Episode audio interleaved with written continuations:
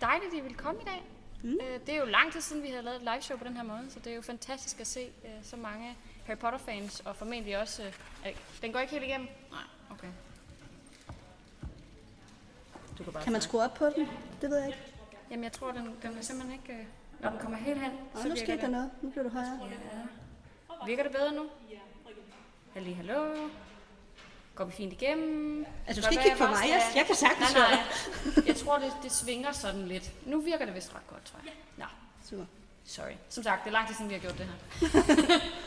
Men det er mega dejligt at se så mange Harry Potter-fans, og formentlig også nogle Harry Podcast-fans derude i dag.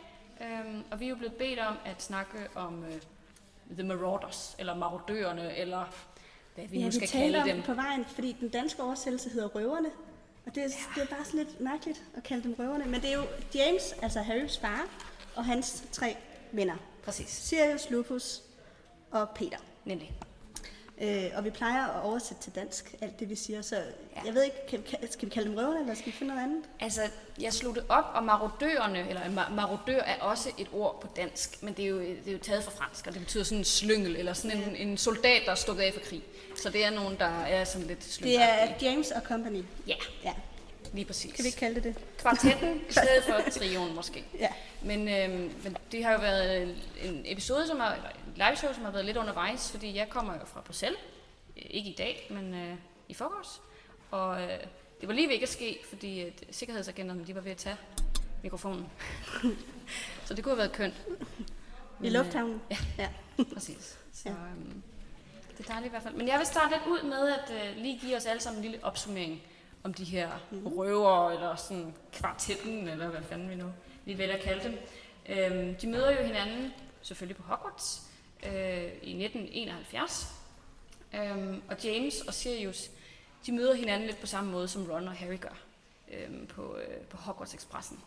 Øhm, og jeg ved ikke, om det er kærlighed ved første blik, på samme måde som det måske er for Harry og Ron, men de har i hvert fald også en konflikt med nogle andre, som binder dem sammen, fordi James og Sirius, de sidder i kopé med Lily og Snape. Og det er faktisk med i bøgerne, det her. Jeg kunne bare ikke selv huske det, da jeg sad og læste det. Jeg var sådan, gud. Men det, jeg tror, det er noget, Harry han ser i Snapes minder. Men, øh, men de her drenge, de sidder sammen med Lille i kopéen, og sidder og diskuterer deres øh, kommende huse. Øh, og Snape siger noget med, at han håber, at Lille kommer på Slytherin.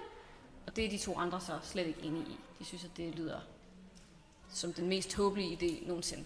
Øhm, men det bonder de ligesom over at lave lidt, tage lidt pis på Snape og sådan noget. Øhm, og ja, så møder de Remus og, øh, og Peter øhm, efter fordelingsceremonien, og, og Remus han har ligesom taget lidt med lidenhed med, med Peter, og vælger ligesom at tage ham under hans vinge. Øhm, og så bliver de ligesom venner på den her måde. Så øh, ja, det går vist meget godt. Så går der et par, par år, hvor de øh, ligesom hænger sammen som ærtehalm, eller hvad man skal kalde det. Øhm, og Remus han holder det jo hemmeligt, at han er en varulv, og, øh, hvilket de så opdager sådan på andet år, tror jeg det er. Øhm, ja. og, og de vælger så at blive ved med at have ham som ven, i stedet for at, hvad kan man sige, kaste ham ud af gruppen, øhm, og bliver så alle sammen animagusser i deres femte år. Øhm, og i løbet af den her periode, hvor de så er animagusser, hvad kan man kalde det, går de rundt på skolen om natten og ude i skoven og udforsker hele det her store område omkring Hogwarts og laver så også røverkort. Øhm, og så, ja, så går de ud af skolen. James bliver gift med Lily og får Harry. Øhm, de, de kommer med i Phoenixordenen, og så dør Lily og, og James selvfølgelig øhm, et år efter Harry blev født. Og det hele det går sådan lidt i vasken. Um, så det var sådan en lille opsummering af, hvad der sker inden. Og øh, vi antager, at de fleste af jer har læst bøgerne, så I ved godt sådan cirka, hvad der sker bagefter. Men det er i hvert fald, så er vi on the same page. Um, men vi har gjort det sådan, at jeg vil snakke lidt om James og Peter, og Amalie hun vil snakke lidt om Sirius og Remus. Mm. Og allerede nu vil jeg lige tilføje, har I andre tænkt over, at alle dem, der er de gode, de slutter på S? Virkelig. Er det rigtigt? Ja. Altså James, Sirius og Lupus. Ja, jeg troede, det var sådan en generel ting i hele serien. Nå, nej, nej. det er du ret. nej, altså af de her fire, vi taler om i det dag. rigtigt. Ja. Det er faktisk rigtigt. Ja. Nej, det Nå, jeg ikke det var bare lige en Men rigtig, rigtig god pointe i hvert fald. øhm, Jeg ved ikke, om det var det. det var bare noget, jeg lige kom til at tænke over derhjemme. Ja. Jeg er i hvert fald glad for, at du delte Ja. det. Men vi skiftes, og så øh, slutter vi jo af med en quiz. Præcis. Så, øh, og de spørgsmål, jeg har forberedt, de er alle sammen nogle, jeg faktisk giver svar på undervejs. Så hvis man hører godt efter, så kan man, så man huske det. Altså, jeg har så lavet den modsatte, hvor jeg har sikret mig alt, hvad der Nå, kan okay. afsløres. Det har jeg fjernet. Okay. Øhm, men det handler selvfølgelig om karaktererne. Mine spørgsmål. Det, er men, godt. øh, det er ikke ringes her. Eller Nej, nej, nej, nej. Trods alt ikke. Øh, men jeg vil starte lidt ud med, med James, fordi han er jo den første, der dør, så jeg tænker, vi skal lige have ham lidt af vejen. Okay. Det lyder meget morbidt. øhm, Ja. men, men James, han blev født i 1960, og hedder, altså han hedder det egentlig ikke, men han er egentlig James Potter den første. For der kommer jo også en James Potter den anden, Harrys første søn. James Albus Potter, hvis jeg ikke øh, husker helt forkert. Ja. Øhm, men, øh, men han er født i 1960, fuldblods og han er den eneste søn af Flemont og Euphemia Potter. Øhm, og vi, vi møder dem jo aldrig i bøgerne, fordi de dør simpelthen inden Harry han, øh, bliver født. Øh, og hvis øh, der er nogen af jer, der, der mindes det, så øh, bruger Hermione jo på et tidspunkt det her sådan hårprodukt. Kan I huske det? Op til øh, juleball i fjerde bog, der putter, putter hun noget, sådan, noget, der skal sådan tæmme hendes krøller Ja. fordi hun har sådan noget meget vildt hår. Så der, der er en anden form for sådan voks- eller hårprodukt, som hun bruger. Øhm, og det er et produkt, som er lavet af, Harrys bedstefar. Det er det, der ligesom har skabt ham hele den her store skat, som Harry jo arver. Det er det her hårprodukt, fordi han var sådan en opfinder-type. Nå, det er derfor, de er rige. Lige præcis. Nå. De, han, har, han har solgt hår. Hårprodukter. Lige præcis. Det er jo meget pudsigt. Men øhm, James, som vi jo godt ved, vokser op øh, privilegeret og med masser af kærlighed. Hans forældre, de elsker ham højt, fordi de får ham sent i livet, og de troede faktisk ikke, de kunne få børn. Så han er ene barn af nogle gamle forældre, og det var derfor, de dør. Øhm, simpelthen af alderdom og sygdom. Helt naturlige årsager. Det har ikke noget at gøre med Voldemort. Øhm, og jeg tror, at J.K. Rowlings attitude har været til bedsteforældre i serien, at det er bare nemmere, hvis der ikke er så meget Jeg synes også, hun har udtalt engang, at øh, hun lød bare alle dø, fordi så skulle hun ikke forholde sig til dem. Præcis. Ja. Så har Harry ikke nogen. Ja. Så er det nemmere på en eller anden måde. Så er der ikke nogen, der kommer og stiller spørgsmål med, hvad med den her bedsteforældre? Ja. Fordi de, de Så er Lillis forældre er også døde. Præcis. Ja. Øhm, men han er en dygtig troldmand, øh, naturtalent til Quidditch, som vi jo godt ved. Øhm, og han har en del kvaliteter. Han, han trives godt på skolen og sådan noget, og det gør ham også lidt til en arrogant dreng. Altså han, han ved, han er god, han ved, han er lækker og charmerende, og han bruger det lidt. Det må man sige. Og det ser vi jo også i de her minder, som Snape har. Alle har jo fortalt til Harry, at hans far er fantastisk, men han er også sådan lidt sådan high school jerk, lader det til. Øhm, ja. Men som ung, der lænede Asger han jo så at lave de her drengestreger, øh, eller sådan, øh, tage lidt pis på andre. Og han finder jo så sine ligemænd, som jeg lige har fortalt, i, øh, i Remus og Sirius og Peter, og de laver den her lille gruppe på skolen.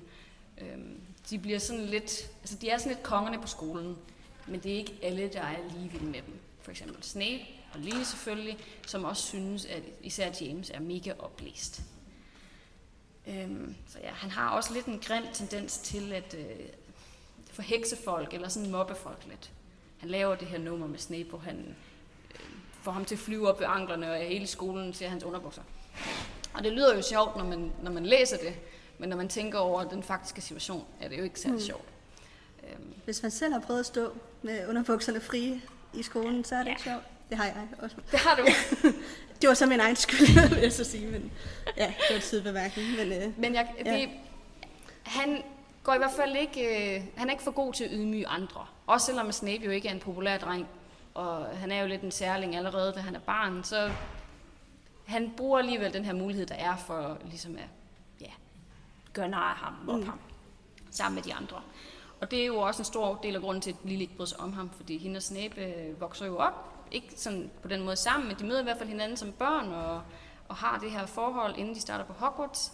Øhm, og selvom at han jo er lidt, et, et, hvad kan man kalde det, han har lidt nogle andre øh, interesser, end hun har, med mørk magi, og Voldemort er jo ikke så meget en, en ting endnu på det tidspunkt, men han interesserer sig i hvert fald for en anden del af magien, end hun gør. Altså Snape. Ja, Snape. Og det adskiller dem jo så. Han har jo også, øh, altså han kommer ud af en Slytherin-familie, der ikke bryder sig om øh, mudderblods personer, troldmænd, hekse. Øhm, halvblods, og det er jo det, Lily er. Øhm, så øh, det matcher jo heller ikke særlig godt. Men han har jo ligesom valgt at overse det, det her aspekt af hende, fordi han så godt kan lide hende. Ikke at det er særlig heroisk, men altså, han er også en nuanceret karakter, Snape.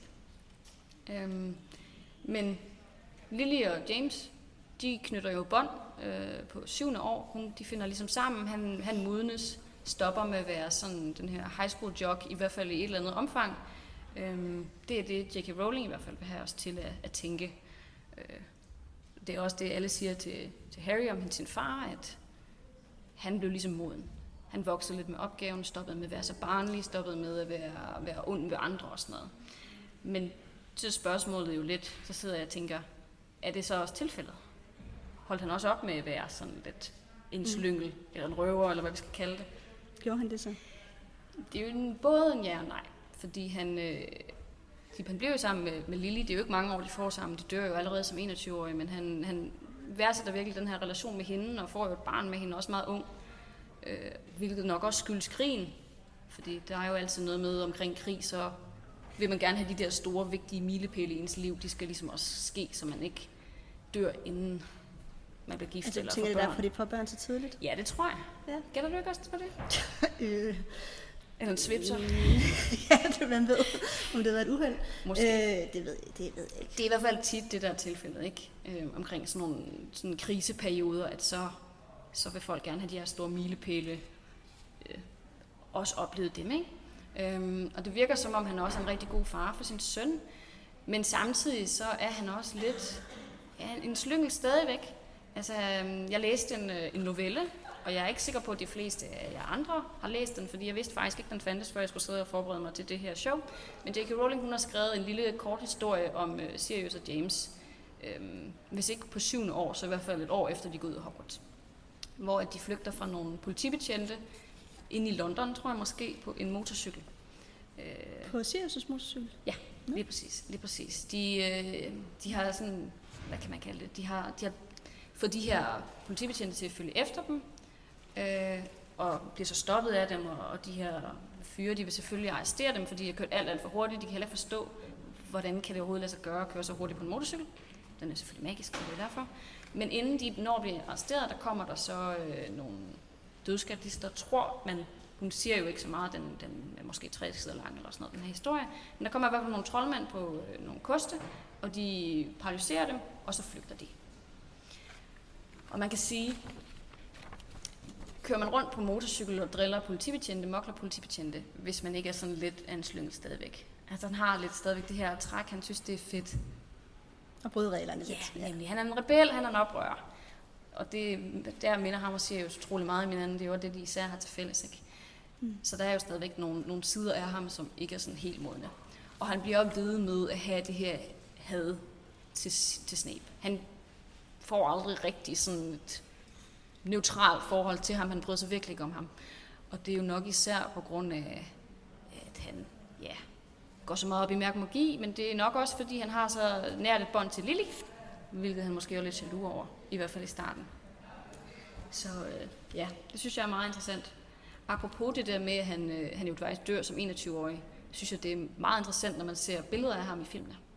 Der ligner han jo ind i 40. Så han noget ældre ud. Ja. ja, det må man sige. Ikke? Alle de billeder, der er af ham i fotoalbummet, når Harry han, øh, ser flashbacks, der ligner han jo ind i 40'erne. Ja. Så det, det er meget sjovt. Men Jameson har selvfølgelig også mange positive træk. Det skal man heller ikke forglemme. Øhm, og det er jo også derfor, at Lily hun falder for ham. Øhm, han kæmper på det gode side. Han vælger jo Phoenix-orden, han vælger Dumbledore. Øh, mm. Og han har enorm tillid til sine venner, hvilket jo også er, hvorfor han dør. Fordi han faktisk stoler på, at hans venner vil ham det bedste. Ikke? Øhm, og så vil jeg også lige nævne James' Animagus, som jo også siger rigtig meget om ham. Øh, det er jo den her store kronhjort, hvorfor han også har tilnavnet krone. Øhm, og kronhjorten symboliserer jo ligesom noget royalt, noget nobelt mod. Altså det, øh, det, det er også tit det her med hjorte, det viser noget uskyld. Og James er den første, der, der dør, og han er også, øh, ja, han er også den, der, der, der burde være blevet, fordi Harry virkelig mangler ham i sit liv. Ikke? Øhm, det er jo også interessant, ikke? fordi jeg sad og tænkte, okay, hvad er så forskellen på, på hans kronhjort og Lillys stå versus Snapes stå? Fordi Snape han har jo også en, ja, det er jo sådan en animagus, men Patronus, der minder meget om. Mm. Men det er jo så fordi, at, at Snape han er så forelsket i Lily, at hans Patronus simpelthen imiterer hendes. Det, har ikke, det siger ikke noget om hans personlighed, at han har den her dog. Hvor at øh, James' og Lillys skulle jo vise, at de er soulmates på en eller anden måde.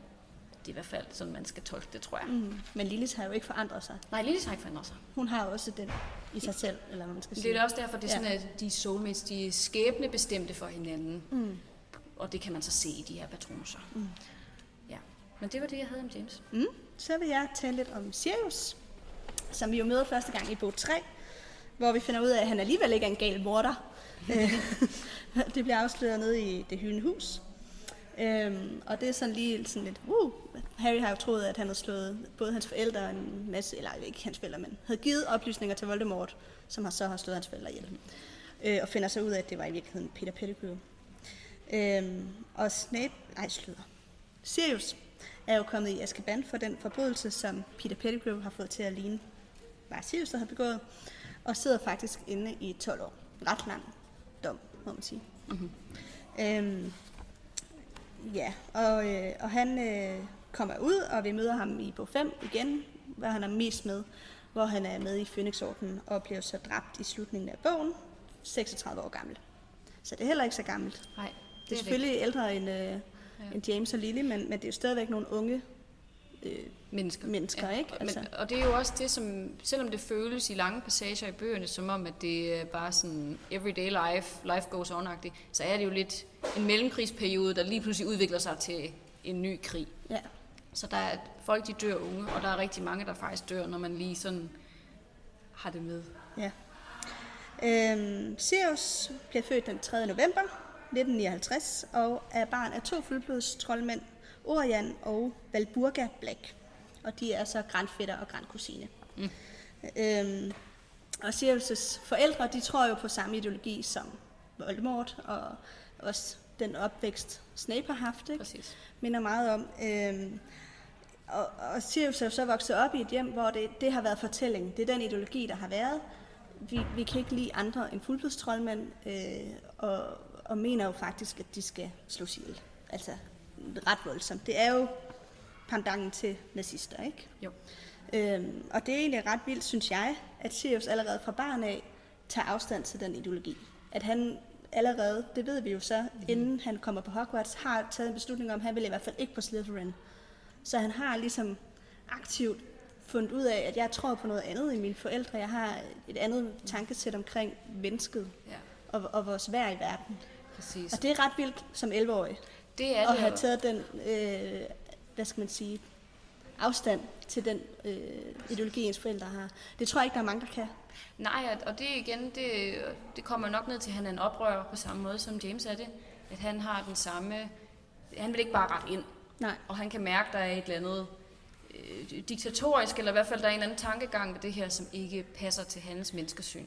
Ja, men alligevel så tidligt. Det, ja, altså, det er det er meget tidligt. Men der kan man også godt argumentere for, at det igen det er, fordi han prøver på at komme væk fra sin egen familie. At det måske handler om, at han bryder sig ikke om dem, og derfor så bryder han sig heller ikke om det, de tror på. Det kan hænge sammen selvfølgelig. Men øhm, altså man, hører, ja, man har jo hørt efter for eksempel 2. verdenskrig, når, når børn af naziforældre er vokset op, at de har sagt, at jeg vidste godt, der var et eller andet galt, eller ja, min far han havde også meget vrede i sig. Eller, altså, der har nogle gange været sådan nogle fortællinger om, at det er som regel først, når de er blevet voksne, mm. At man har kunne se tilbage på ens barndom, og kunne se det miljø, man har været i, at det, ikke Det er har, rigtigt. at det måske ikke har været så sundt, som, som man troede som barn. Præcis. Øhm, ja. Men han kommer jo på Gryffindor, som du også sagde, Nana. Og, øh, og finder nogle ligesindede i, øh, i de andre tre venner der. Præcis. Og, øh, og han er jo, øh, ligesom James, populær, Karl Smart og god ved The Ladies. Næsten endnu mere end James, tror jeg faktisk. Ja. Det virker lidt som om, det er ham, øh, der bliver kigget efter, ikke? Det er ham, der har motorcyklen. Ja, dog ikke på skolen, men, Ej, nej, øh, men rigtigt. senere. Ja. Men han er sådan lidt øh, James Dean, ikke? Læderjakke, motorcykel, sådan en typen. Ja, jeg tænker lidt sådan en... Har, man, øh, har I set Grease? Hvad hedder han nu? Ham der, John Travolta. Ja, ja. Øh, og han hedder, hvad hedder han nu i filmen? Det kan jeg ikke huske. Han hedder Danny. Danny. Det er Danny Zuko. Ja, bortset fra, han ikke kan synge, tror jeg. Øhm, og så vil jeg sige, at Sirius er også kendetegnet ved at være ekstremt lojal. Måske ja. den mest lojale af de alle fire, faktisk. Apropos hunden Ja, og symbolikken i... præcis. Hans animagus er en hund, menneskets bedste ven. Det er... øh, Det går igen helt igennem alle hans relationer. Han er overalt lojal. Ja. Så lojal, at han jo går i døden for andre. Præcis. Øhm, ja. Nu vil jeg jo ikke gentage det, du har sagt. Men jeg vil sige, han ligesom James også er lidt arrogant. Og han er jo med til at mobbe Snape, og generelt sådan gå lidt på kant med, hvad, hvad- hvad der er okay, og, øh, og drille andre elever på skolen. Ja. De, de er populære, men de, er også lidt, de udnytter også lidt deres magt. Det gør de, det gør de, og de øh, styrer måske også, ikke nødvendigvis gennem frygt, men for eksempel, man kan forestille sig sådan en som Neville. Han havde nok også været et lidt offer for den her gruppe, ikke? Jo, men det er jo måske lidt sådan, som han, ser Harry også. Ja, Det er måske, måske er Harry ikke helt så Karl Smart som James Sirius, det tror jeg ikke. Ej, det, det, det er heller ikke min fornemmelse. Men, og han er heller ikke lige så populær. Men øh, jeg ved ikke, hvem er egentlig de populære? Jeg føler, at de er lidt ligesom Fred og George. Men Ja. uden at de er sådan men uden at de gør noget. Fred og George er mere søde. Ja, men de, de driller også de andre for eksempel med at lave de her øh, can, canary creams, kanariekager, som de serverer i, er det bog 5, tror jeg, hvor de får de andre elever til at sidde og smage på dem, og så bliver Neville til en stor fugl, fordi han spiser en af de her kager, eller de tester de her forskellige opfindelser på dem. Ja, De er også sådan lidt nogle tungeslasker og sådan noget. Lige præcis, det de gør mod Dudley er Ja. ja. også lidt det samme i bog 3, hvor han får den der, det der bolse. Mm. Så de er lidt den samme slags. Ja, men, men jeg tror ikke, det, det er ikke lige så- helt lige så populære ved Nej. The Ladies. Nej, det er de. Nej. Og så alligevel, der er også noget med Angelina, og der er noget med Katie Bell, og de kan i hvert fald godt Ja. få de her damer med til juleborg, for Ja, eksempel. ja, de får hurtige dates med. Det er Ja. rigtigt nok. ja, modsat Ron. Men, øh, hvad hedder det? Sirius flytter jo så hjemmefra ret ungt. Han er kun 16. Det er lige efter Hogwarts flytter han hjemmefra. Han øh, flytter hjem til James og hans familie. Præcis. Og øh, hans egen familie udstøder ham så. Og han har faktisk aldrig kontakt med dem igen. Bortset fra, at han har en morbror, Alfred, som, øh, som faktisk får lidt ondt af ham og den udstødelse, der har været. Så han øh, testamenterer alle sine ejendomme til Sirius. Mm-hmm. Øh, det er også derfor, Sirius har penge som voksen. Det har han ikke som ung. Der bliver han understøttet af James. Der øh, får han, altså hjælper han i hvert Kost og fald. logi og det hele. Ja. Og apropos det her med understøttelse af James, så gør James' familie, eller i hvert fald James øh, selv, det samme for Remus. Mm, det der han Remus. får også øh, understøttelse. Lige præcis, fordi Ja. han kan jo ikke få noget job, øh, da han er ung, på grund af sin varulve. Det kommer jeg tilbage til, Nana. Jeg har, jeg har Remus. Sultekål. Ja, det er godt. Øh, jeg vil sige, Sirius, på trods af den opvækst, han har haft, har jo så et ret lyst sind. Altså, han er glad og laver fise ballade og er ret begavet også. En klog mand. Øhm, og så er han så i Azkaban i 12 år.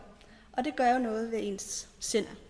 Øh, og han bliver mærket af det. Han gennemgår en udvikling, så han på den anden side af Azkaban jo måske er knap så glad. Øh, jeg vil sige, i bog 5 er han jo næsten decideret depressiv. Ikke? Altså, han, han, øh, han, han lever op, da Weasley og Harry kommer hjem til jul, men han er øh, ked af det og ensom.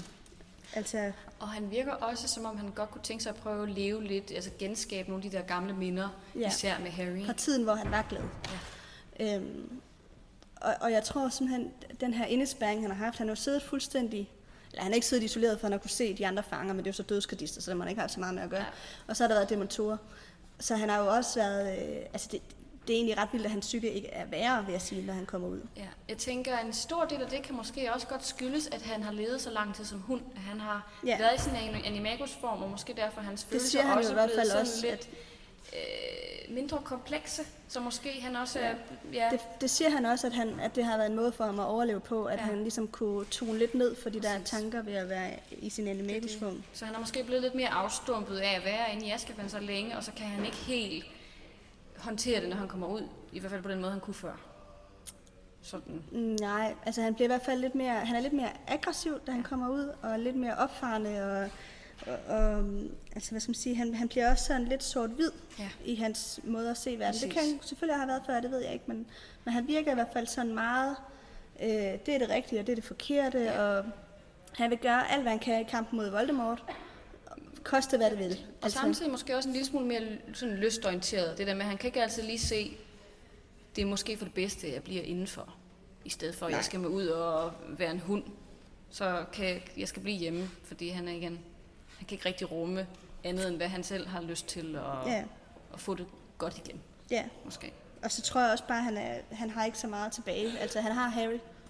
Så, så frygten for at dø er måske heller ikke så stor hos ham. Ja, det er rigtigt. Altså, han, han har ikke så stor en dødsangst. der kan ikke Øh, blive taget så meget fra ham længere. Nej. Og det er selvfølgelig også slemt nok at miste Harry, men jeg tror, han er mere bange for at miste Harry, end at han selv dør. Ja, det tror jeg også.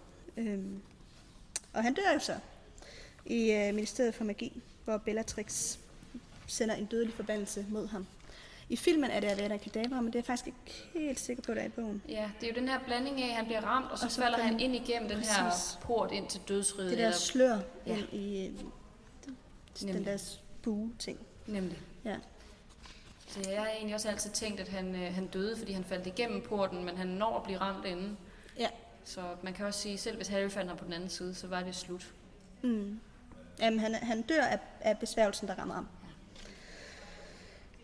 Øh, ja, han har jo en del til fælles med en hund. Udover at være menneskets bedste ven, så har han en gøende latter.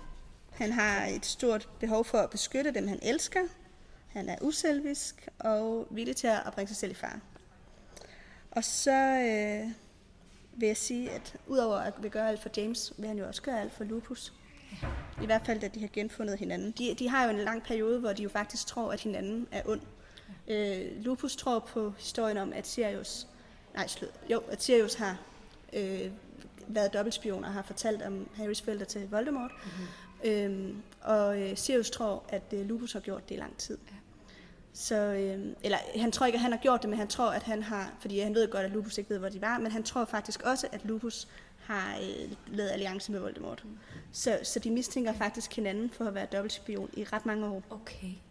Også selvom Sirius godt ved, at det er Peter. Men han, han tror, jeg ved ikke helt, hvornår det går op for ham, at Lupus ikke er ond, men han under første troldmandskrig, det er jo også en af grundene til, at han, øh, Sirius foreslår, at de tager Peter som hemmelighedsvogter i stedet for Lupus, og det er blandt andet, fordi han tror, at Lupus kunne være dobbeltspion. Det er ham, der er i Ja. deres midte. Og, Og det, det får han jo faktisk hverken be- eller afkræftet. Han finder jo så ud af, at Peter i hvert fald også er det. Men, men hvornår han finder ud af, at Lupus ikke er på Voldemorts side, det, det ved jeg ikke helt. Men det, de får jo talt sammen, da Sirius kommer op på Hogwarts, og de møder hinanden igen.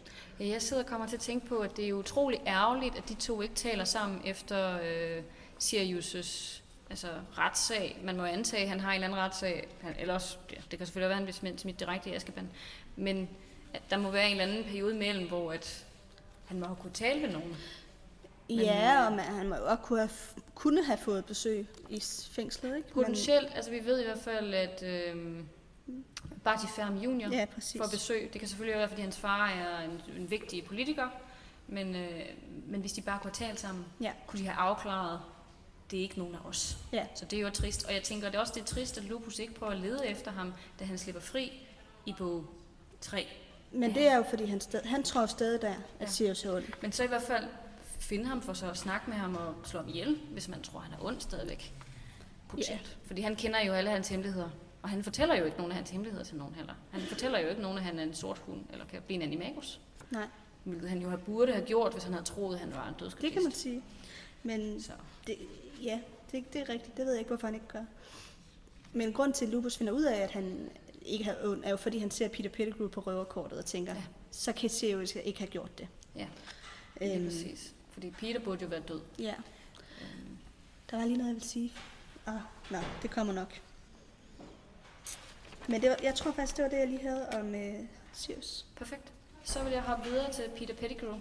Øhm, den, som ingen vil have. Men han er jo alligevel en ret øh, interessant karakter, fordi som jeg, som jeg også nævnte før, han kom jo lidt med på et afbud i den her gruppe. Han havde jo ikke nogen sådan særlig nice kvaliteter, andet end han er sådan lidt en medløber, der godt kan lide sådan at klappe folk lidt på skulderen, hvis de gør noget nice. Han er sådan en, en cheerleader. på den måde er det meget rart at have ham med, men han kan jo ikke rigtig tilbyde noget andet i forhold til talenter eller intelligens. Jamen, han eller... ser der, hvor der er magt, der følger han. Præcis, præcis. Opportunist. Øhm, han er en opportunist, og jeg, jeg tænker ikke nødvendigvis, at det er så gralt for ham allerede som barn, men nonetheless, det er den vej, han ligesom kommer ned af. Ikke? Øhm, men han blev født i 1960 af en heks. Vi ved ikke mere om hans familie. Vi ved ikke. Nå, okay. Men der, der stod ja. lidt ikke andet end 1960 af en heks. Der er i hvert fald en af hans forældre, som er fuldblods. Øhm, og han er en såkaldt hatstall, altså han er en af dem, som, mm. øhm, som sidder med fordelingshatten på i over 5 minutter, for den kan simpelthen ikke vælge, om han er Slytherin eller om han er Gryffindor. Og, er det de to, den stod mellem? Ja, det var de to. Ja. Øhm, og det er jo også interessant nok, at man er sådan, hvorfor han så på Gryffindor? Er det fordi, den har set potentialet i ham til at øh, være god og være modig? Er det fordi, den har kunne se det her ønske i ham om at være omkring andre mennesker, som har, har masser af mod og er noble? Det var det, han gør. Han er jo sammen med James og Sirius og Remus, fordi de er stærke og dygtige og modige. Mm. Eller er det fordi, at han beder dem om det? Fordi det har ligesom vi også Harry set gør. før. Ja. Præcis, Harry beder jo om at blive kommet på Gryffindor, så hvorfor skulle, altså, hvorfor skulle Peter ikke gøre det samme? Og vi, jeg tror, vi har diskuteret, om, øh, om Neville spørger, om han kan komme på Gryffindor. Så det kan være, at det personlige ønske spiller ind her, at han, han håber på at kunne blive mere modig og mere nobel ved at komme derhen, og så får han lov at have den. Og jeg vil sige, hatten den holder altså også stadig på, at han er en rigtig Gryffindor. Selv den dag i dag. For det mener jo, at hans sidste øjeblikke, han, han dør jo, fordi han viser Harry barmhjertighed, og så kvæler han egen hånd ham. Og det, det mener hatten er et tegn på, at han også har noget af det her hmm. noble. Men det er jo heller ikke kun dem, der er på Slytherin, som er øh, ikke. onde i historien. Altså der er også gode på Slytherin, og der er onde på andre kolleger. Ja, ja, det, det, det er jo det er jo selv sagt også sådan en som Peter Rik Smørhår, der går på Ravenclaw. Han er jo ikke den værste af dem, der Ej. findes, men han er jo heller ikke en god person, og han er jo Ravenclaw. Så altså, man kan ikke opstille så sort-hvidt, selvom at J.K. Rowling typisk putter dem, der er træls på stedet, ja. og typisk de andre i de andre kolleger. Ja, i Gryffindor og Ravenclaw, så er det sådan lidt Hufflepuff som opsamling, ja, ja. fornemmer man det. Det er de søde. Ja. Dem, som godt kan hygge sig. Øhm, men som sagt, han er, han er medløber i ordets reneste forstand. Øhm, og han, han er virkelig sådan en, der giver skulderklap og kudos til, til dem, der er nice, og det er også derfor, de, de egentlig synes, det er fedt nok at have med i gruppen. Øhm, han hjælper dem jo også med deres planer. Han deltager i det hele. Han deltager i mobningen, ligesom Sirius gør, ligesom Remus, Remus gør lidt mindre. Nej, Remus gør ikke rigtigt noget. Nej, ikke han, han, han, ser han stopper det. det ikke. Nej, han lader det, ikke, han lader det ske, ja. men han er ikke aktiv. Nej, det er rigtigt. Men det er Peter. Han er deltagende, og selvom han aldrig vil ture gå op mod Snape selv, så bakker han op når der så sker den her mobning, og står og siger, uh, kom så, det er mega nice. Øhm, han bliver jo også en animagus, ligesom øh, de andre gør, øhm, og bliver jo så til en rotte, hvilket selvfølgelig også er fordi, det afspørger hans personlighed. Ikke? Øhm, det kan også bare det værste dyr, man kunne blive på en eller anden måde. Ikke? Altså. Fuldstændig. Det kommer jeg mere til. Øhm, men øhm, efter Hogwarts, der ryger vi jo ret hurtigt ind i den første troldmandskrig, og præcis som Amalie har fortalt, så bliver han gjort til Secret Keeper, for... Øhm, hemmelighedsvogter. Hemmelighedsvogter, præcis. For, øh, for Lily og James, fordi James han tænker, det, det er det sikre. Vi kan godt regne med Peter. Øhm, og det kan han så ikke, desværre. Mm. Øhm, og det, jeg har siddet og prøvet at finde lidt ud af, hvorfor, hvorfor vælger han egentlig at blive, altså at videregive de her informationer til Voldemort? Hvad får han ud af det? Er det fordi, han bliver truet til det, eller hvad, hvad handler det lige om? Men som Amalie siger så fint før, han er opportunist, og han kan se i den her øh, nye verdensorden, der kommer, når Voldemort han vinder, der er det faktisk bedre at være den, der hjælper Voldemort, end den, der kæmper mod Voldemort. Og når han så videregiver informationer om... Han tror vel også, at Voldemort vinder krigen? Det gør han. Ja. Helt overbevist. Ellers ville ja. han ikke gøre det. Så ville det være dumt. Præcis. Og Voldemort ser jo på det her tidspunkt ud til at vinde krigen. Ja. Altså, det, det er jo kun på grund af Harry, at Voldemort han forsvinder. Ja. Øhm, det er vidderligt. Han er hårdstrå fra, fra sejren på det tidspunkt. Øhm, så han vælger ligesom at kaste sit kort i, ind i kampen, ind i bunken og sige, værsgo, James og Lily, de er her, du kan finde dem der, og så får han dødsgardist stemplet, og så er han ligesom med i hulen, eller hvad man skal sige. Øhm, og Lily og James dør selvfølgelig. Men øhm, jeg, jeg tror egentlig, han har sådan dårlig samvittighed, fordi han er jo ikke Voldemort, men han ser ligesom sig selv som vigtigere. Hans egen eksistens er vigtigere end James, Lily og Harrys. Mm. Så det er ligesom vurderingen. Øhm, og jeg synes, det er meget interessant, fordi det her det fik mig til at tænke lidt på Judas fra Bibelen. Mm. Øhm, For det matcher jo egentlig meget godt med, at han, han vælger jo også at forråde Jesus Ja. lidt på samme måde for, for sin egen vindings skyld. Øhm, og han forråder faktisk også Jesus ved at videregive hans lokation. Og det er mm. lidt det samme, Peter han gør. Mm. Men hun trækker jo også lidt på Bibelen nogle gange. Ja, hun. nogen, altså på alle mulige andre ting, også myter ja. ja. og folketro og sådan noget.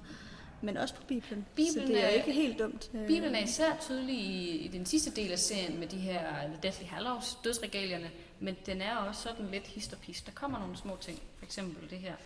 Øh, desværre for, øh, for, for Harry Potter og for James, så forudser de jo så ikke, at de bliver slået ihjel, ligesom Jesus gør. Nej, Det kunne have været meget det er rigtigt, godt. men, men når det er sagt, går, man jo ind, går de ind i modstandskampen velvidende, at det kan ske.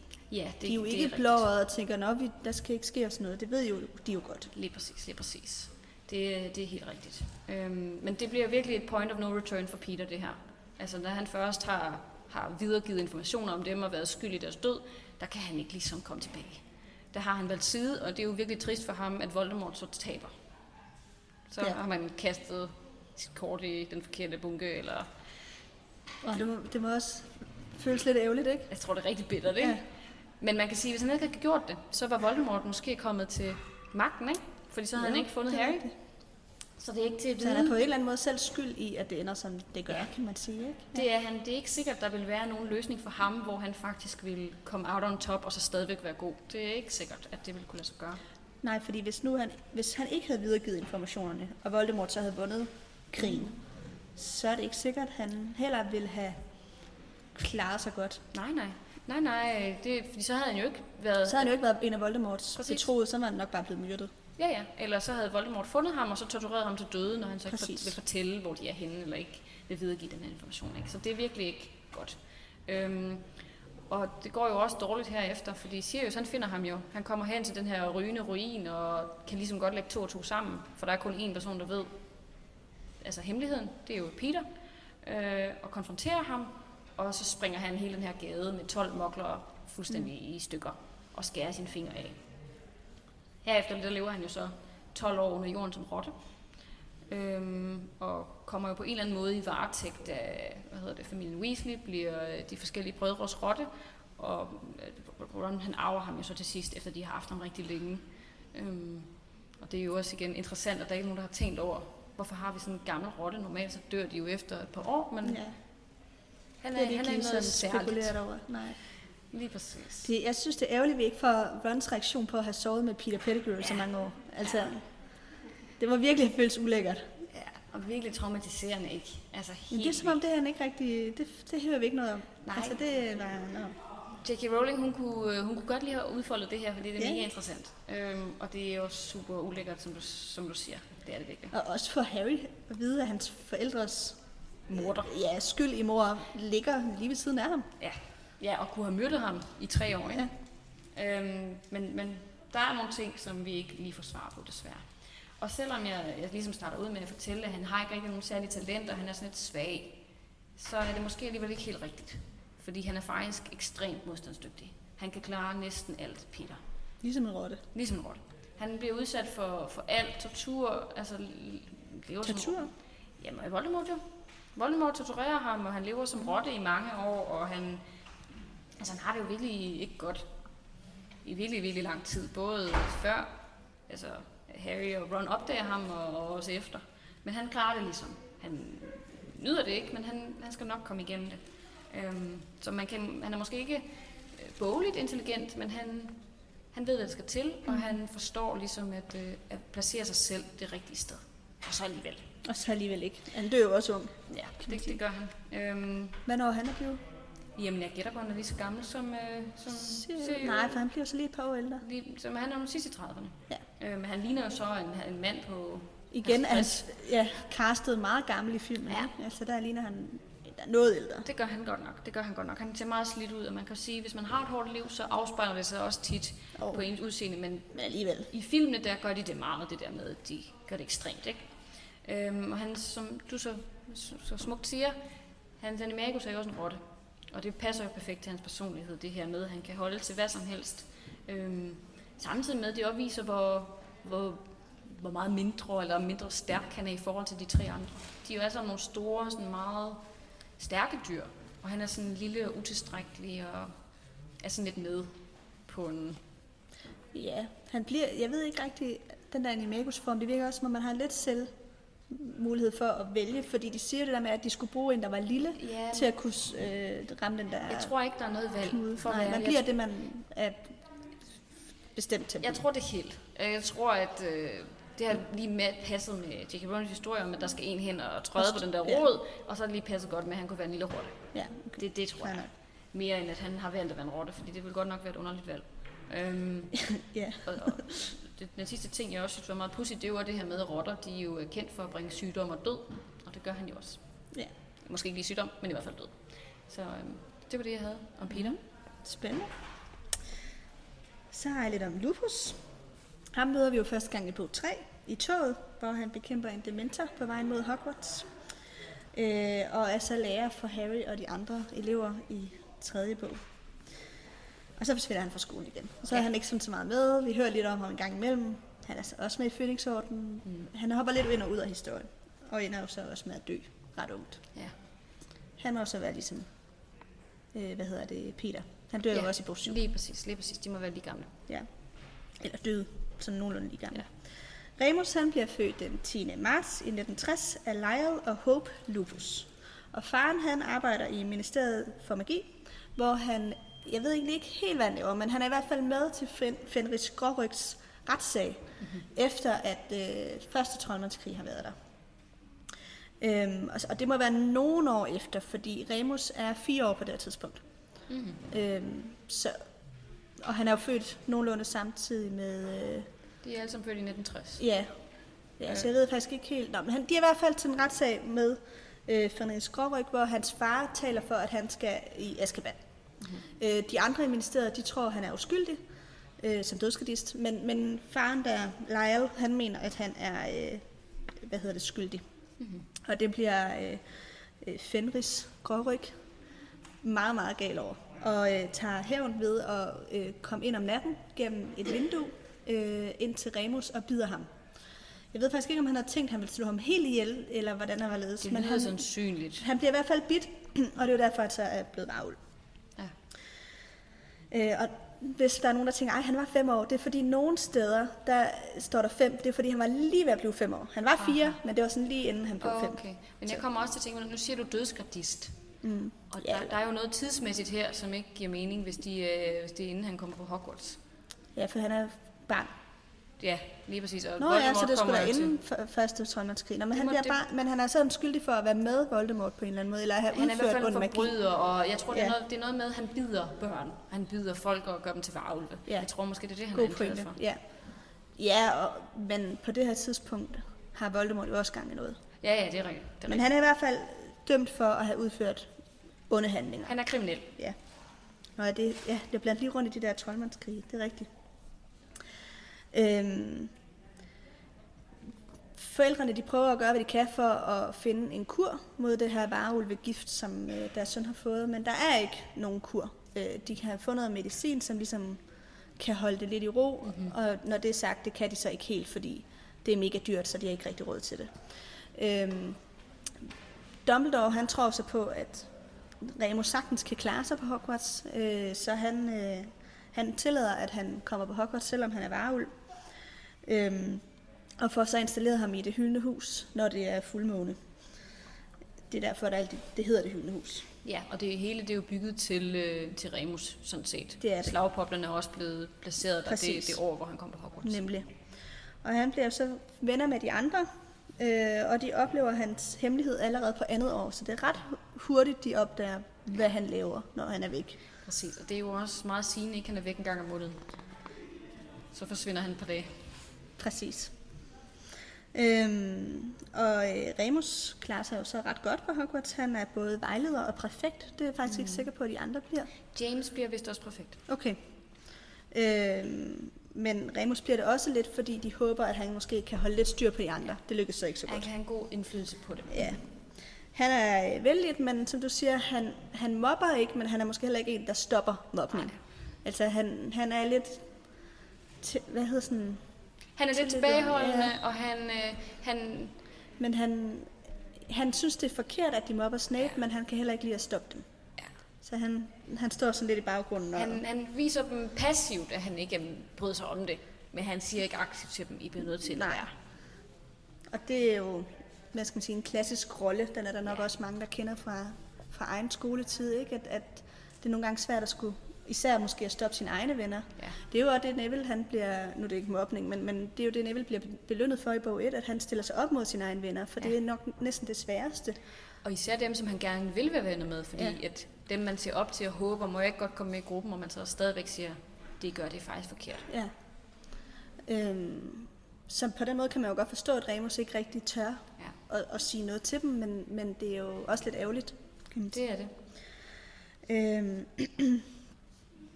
han øh, får, har jo meget, meget svært ved at få job efter Hogwarts, og, øh, og det er derfor, at Jane støtter ham økonomisk. Præcis. Øhm, og han, øh, han, jeg tror egentlig ikke, han bor hjemme ved James og Lily, men han får i hvert fald penge fra James Ja, han, understøtter ham, øh, mens han... i en del år, Ja.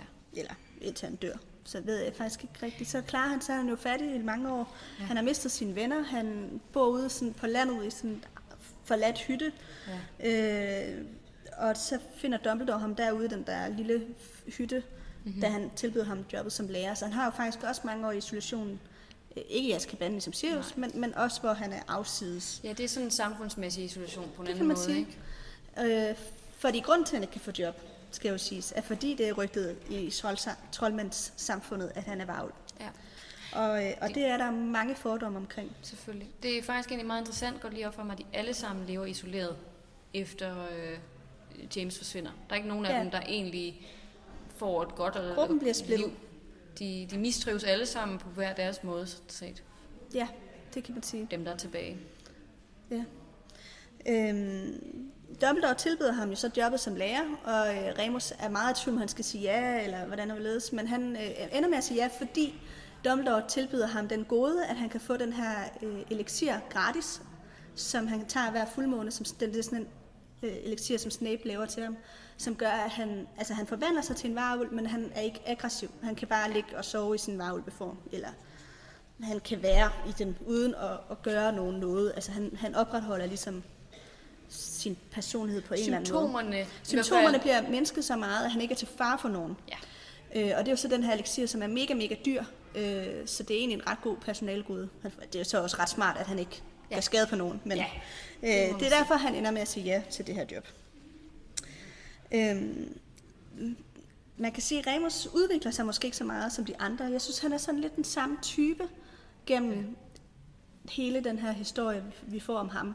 Han, han er den der lidt mere tilbageholdende type, også som voksen. Ja. Øh, han har utrolig meget øh, skam over sig selv. Har han også som barn. Han, øh, han er pinlig over, at han er varulv, og, det, og der er enormt meget stigma forbundet mm-hmm. med det. Vi har talt om det før, det her forbindelse til AIDS, Ja. som, som J.K. Rowling også har bekræftet, at, at, at man skal se lidt den her varulve tilstand som AIDS. Ja. Øh, og på den måde kan man sige, at elixiren er jo også sådan ligesom Kuren. Øh, ja, altså, og det her med, at hvis man har AIDS, som jeg forstår det, kan man også få noget Ja. øh, medicin, som ligesom holder ens symptomer nede, så man ikke smitter andre, og man ikke, man er ikke, altså, Ja. det er ikke farligt at have AIDS, hvis man tager den der Det er nemlig medicin, rigtigt. men Problemet er, at folk er stadigvæk utrolig bange for, at man smitter, selvom at det, det kan man ikke længere. Og det er det samme, der sker her. Han får også den. Problemet er så med ham, at, at han jo decideret bliver voldsomt farlig og udadreagerende, hvis han så ikke får den. ja, hvis han ikke får medicin, Præcis, ja, men, det er øh, rigtigt. Og det er jo så det, der sker i bog 3, Præcis. hvor han har glemt at tage den af en eller anden grund. På grund af, at, øh, at alt det her det sker den nat, hvor de kommer ned i det hyldende hus, og Snape han... Ja, men øh, jeg forstår ikke, at han ikke har taget den tidligere på dagen. Ja, det er rigtigt. Der er sket en forglemmelse. Ellers så havde plottet heller ikke rigtig udviklet sig, kan man sige, Nej, på det den måde. rigtigt. Så var det bare gået godt. Hvis han bare var blevet en varulv nede i den der hytte, og så og bare havde lagt sig ned. Hvor, sådan, sådan. Nå, Det havde været en anden det historie. havde været en anden historie. Ja. Eller ikke nede i hytten, men da det kom op. Ja. Præcis, præcis. Kollapse. Og sådan, nu skal han lure. Men så havde de omvendt heller ikke, altså så var Peter nok ikke rent frem, så Nej, nej. nok kunne fastholde ham faktisk. Så det havde ændret ret meget ved fortællingen. Det havde det ikke sikkert, at Voldemort ville være kommet tilbage, men sådan er det tit med de her små hændelser, ikke? at der skal lige en lille, en lille sommerfugl, der kommer flyvende, og så Ja. ændrer det hele sig. Ja. Ja. Men han, øh, Remus, han, jeg tror, han er meget påvirket af de fordomme, han har mødt gennem hele sit liv. Han har ikke rigtig, kan ikke rigtig huske andet, fordi han blev bidt som fireårig. Ja. Så, så den her skam, den har han ligesom bare taget til sig og, og en tror på, at der er noget galt med ham. det er Ikke? Han, han synes også selv, der er noget galt med ham. Ja. ja. Det er ikke bare, at andre synes det, han synes det faktisk også selv. Ja. Og det ser vi jo også, da han bliver kærester med, med Tonks i, ja. øh, øh, senere i, i bøgerne, hvor, hvor han har faktisk ret svært ved at indgå i en relation til hende, fordi han er bange for, at altså, for det første vil han ikke, han er god nok til hende, og mm-hmm. han er også bange for at, at gøre hende fortrædet, og da de så, hun så bliver gravid, så er han jo mega bange for at blive far for livet. Kan han tage vare på et barn? Og, Og hvad nu, hvis barnet bliver varulv også, ikke? Ja, han er bange for at videregive. Det, det bliver han ikke vel tæt. Nej, det gør Nej. han ikke. Men, men han er bange for ligesom at, at videregive den her sygdom, eller hvad man skal kalde det. Præcis.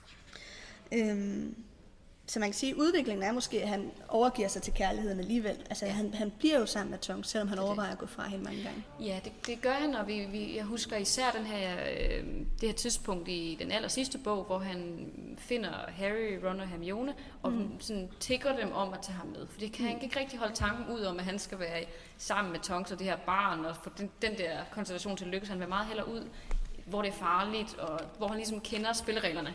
Mm. Fordi det er på en eller anden måde mindre farligt, end at han lige pludselig skal være far og få det der til at fungere. Hvilket også er ret interessant. Og det er virkelig øh, for mig et øjeblik, hvor, jeg, hvor man mister sådan lidt sin kærlighed til, til Remus. Man får den selvfølgelig igen, men det er alligevel hårdt at se, Ja. at han på den måde... Samtidig så synes jeg også, det var ret dejligt at tænke på, at der kunne være en voksen med dem. Fordi Ja. det, det er jo farligt, det de tre har gang i. Det er jo rigtigt. Ud at finde hårdkrukser helt selv. Det havde været dejligt, han var der. Ja, Men, men rigtigt. selvfølgelig, altså han gør det nok også lidt... Selvfølgelig vil han vil hjælpe og vil kæmpe mod Voldemort og det der, men det er også som en flugt ja, fra, fra hans kone og barn. ja. Og det er jo trist, ikke, at det samme egentlig sker for Harry øh, igen, så bare mm. sker for, for Ted, Remus' søn, at han også bliver forældreløs som etårig. Ja. Ja. Eller mindre. Jeg ved ikke engang, hvor, hvor Ja, gammel han er jo så endnu mindre, han er jo helt baby. Lige præcis. Øhm, han bliver jo passet ved, hvad hedder det, Tonks mor? Ja. Nymfo, Nej, det hedder Nå, øh, Andromeda. Andromeda. Øhm, og, øh, og Tonks og øh, Remus har egentlig aftalt, at hun skal blive der, mens der er krig, men hun kan ikke, hun kan simpelthen ikke have, at hun ikke ved, hvad der sker, så hun skynder sig øh, til Hogwarts og deltager sig i krigen og dør sammen med Remus. Øhm, men han, deres søn vokser så op ved, ved hendes mor, ved Andromeda. Øhm, og har det fint, altså hun er en sød dame. Men, men det er selvfølgelig ikke Ja, det samme som at have Og han er jo også Harrys gudsøn. Så han bliver også en del af han er Harrys også en del af det. Altså på den måde har han jo noget bedre liv end Harry, der voksede op ved Dursley-familien, ikke? Men, men det er selvfølgelig ikke det samme som at have sine forældre. Nej, I hvert fald, hvis man har gode forældre. det er rigtigt. Øhm, ja, han har jo også, ikke en animagus-form, men en ulveform, som øh, også afspejler noget i hans, hans personlighed. Han har øh, det til fælles, at det er jo et meget socialt dyr, ulve. De går i et kobbel, mm. øhm, og offrer sig for deres kobbel. Det vil Remus også gøre. Øhm, og så er han ret intelligent, øh, meget omstillingsparat, og har en ret stærk beskyttertræng. Så, øh, så det er altså noget, ulve også Mm-hmm. er kendt for. Og så er der jo en fanteori okay. om Sirius og Remus. Ja. At de skulle have været kærester. Ja. Den har du hørt om. Den har jeg hørt om, og det er jo igen, det er jo den der med, at der er nogen, der ser Tonks som det, man ville på engelsk kalde et, et beard, altså Ja, at man faker, skalkeskjul. Ja, man faker en, en, en kæreste af det modsatte køn, fordi at det er nemmere. Ja. Øhm, argumenterne for teorien er, at, at øh, de omfavner hinanden ret kærligt i det hyldende hus. Mm. Og øh, at de har fortalt Harry, at de er meget tætte venner, øh, og har været det siden skoletiden. Øhm, og så er det en hund og en ulv, det minder også sådan lidt om hinanden. Ja. Sådan Der var lidt det der med matchet igen. Ja, præcis. Og så er der nogen, der har vurderet, at de sådan er lidt forældreagtige over for Harry, som er også sådan lidt parforældreagtige over for ham. Mm-hmm. Øhm, og så er der fundet beskrivelse af, at de øh, i et akt hinanden i bøgerne. Vi aktager hinanden, okay. Ja, altså at Remus står og kigger på Sirius og omvendt. Så, øh, så det er sådan ligesom argumenterne for den her teori. Fair nok, fair nok. Jeg ved ikke, er der nogen, der tror på den? Der bliver rystet på hovedet? Lidt? Ja, en lille smule. Der, jeg ved i hvert fald, at der er mange, der gerne vil have det. Om det så er tilfældet eller ej, så er der mange, der egentlig synes, at det er en meget hyggelig tanke, mm. at de ligesom havde hinanden, fordi igen, altså Remus han finder jo Tonks, men det føles aldrig rigtigt som om, at det er så... Øh, altså, Men jeg har fundet bevis du har fundet bevis Ja, på, at de jeg- skulle være sammen? på, at det ikke passer. Okay, spændende. Fordi J.K. Rowling har i et interview sagt, at Tonks er den første, som øh, Lupus nogensinde bliver forelsket i. Okay, Derfor kan han selvfølgelig godt have lavet et eller andet med Sirius, det skal jeg ikke afvise. Men altså, det, det, hun er den første og eneste, han nogensinde er forelsket i. Der, der findes biseksuelle, det gør der. Øhm, så det kan Ja, godt ja, nej, det afviser jeg ikke, han er. Jeg siger bare, han har ikke været forelsket i Sirius. Men jeg, jeg, jeg tror også, at grunden til, at det tit sker, at fans de sidder og ligesom kigger efter, kunne der være Åh, nogle, der er mange forhold? fanteorier Der er rigtig, det, rigtig ja. mange, men det også fordi, der er mangel på LGBT-personer i de her, det her univers. Mm. Hun har jo glemt dem fuldstændig. Hun har kun prioriteret heteroseksuelle parforhold, Ja. og derfor er det jo heller ikke mærkeligt, at når der er to mænd, som er meget tætte, så tænker man, det kunne det være. Ja, den eneste, vi ved, det er Dumbledore. Ja, og han, er jo ikke engang, han har jo ikke engang nogen i bøgerne. Det er jo noget, hun har sagt udenom. Ja. Så øh, Men der er generelt mange fanteorier om par. Altså, både af samme køn, men også altså, øh, Malfoy Hermione, ja, ja, ja, ja. øh, Harry Hermione. Sikkert McGonagall, Dumbledore, kunne jeg Ja, forestille den kunne jeg godt forestille der, der, alt, hvad folk kan forestille sig, det er der nogen, der har lavet et, et chip med. 100 procent. Ja. øh, ja. Men det, det er jo godt, du lige fik den med også, fordi det ved jeg, det, det, det snakker folk meget om på internettet, Ja, den her relation. der er også mange, der skriver historier om, om t- forhold, der kunne have været. Ja. Ja, men øh, det skal vi ikke gå dybere ind i. Øh, skal jeg lige se, om der er noget, vi ikke har sagt.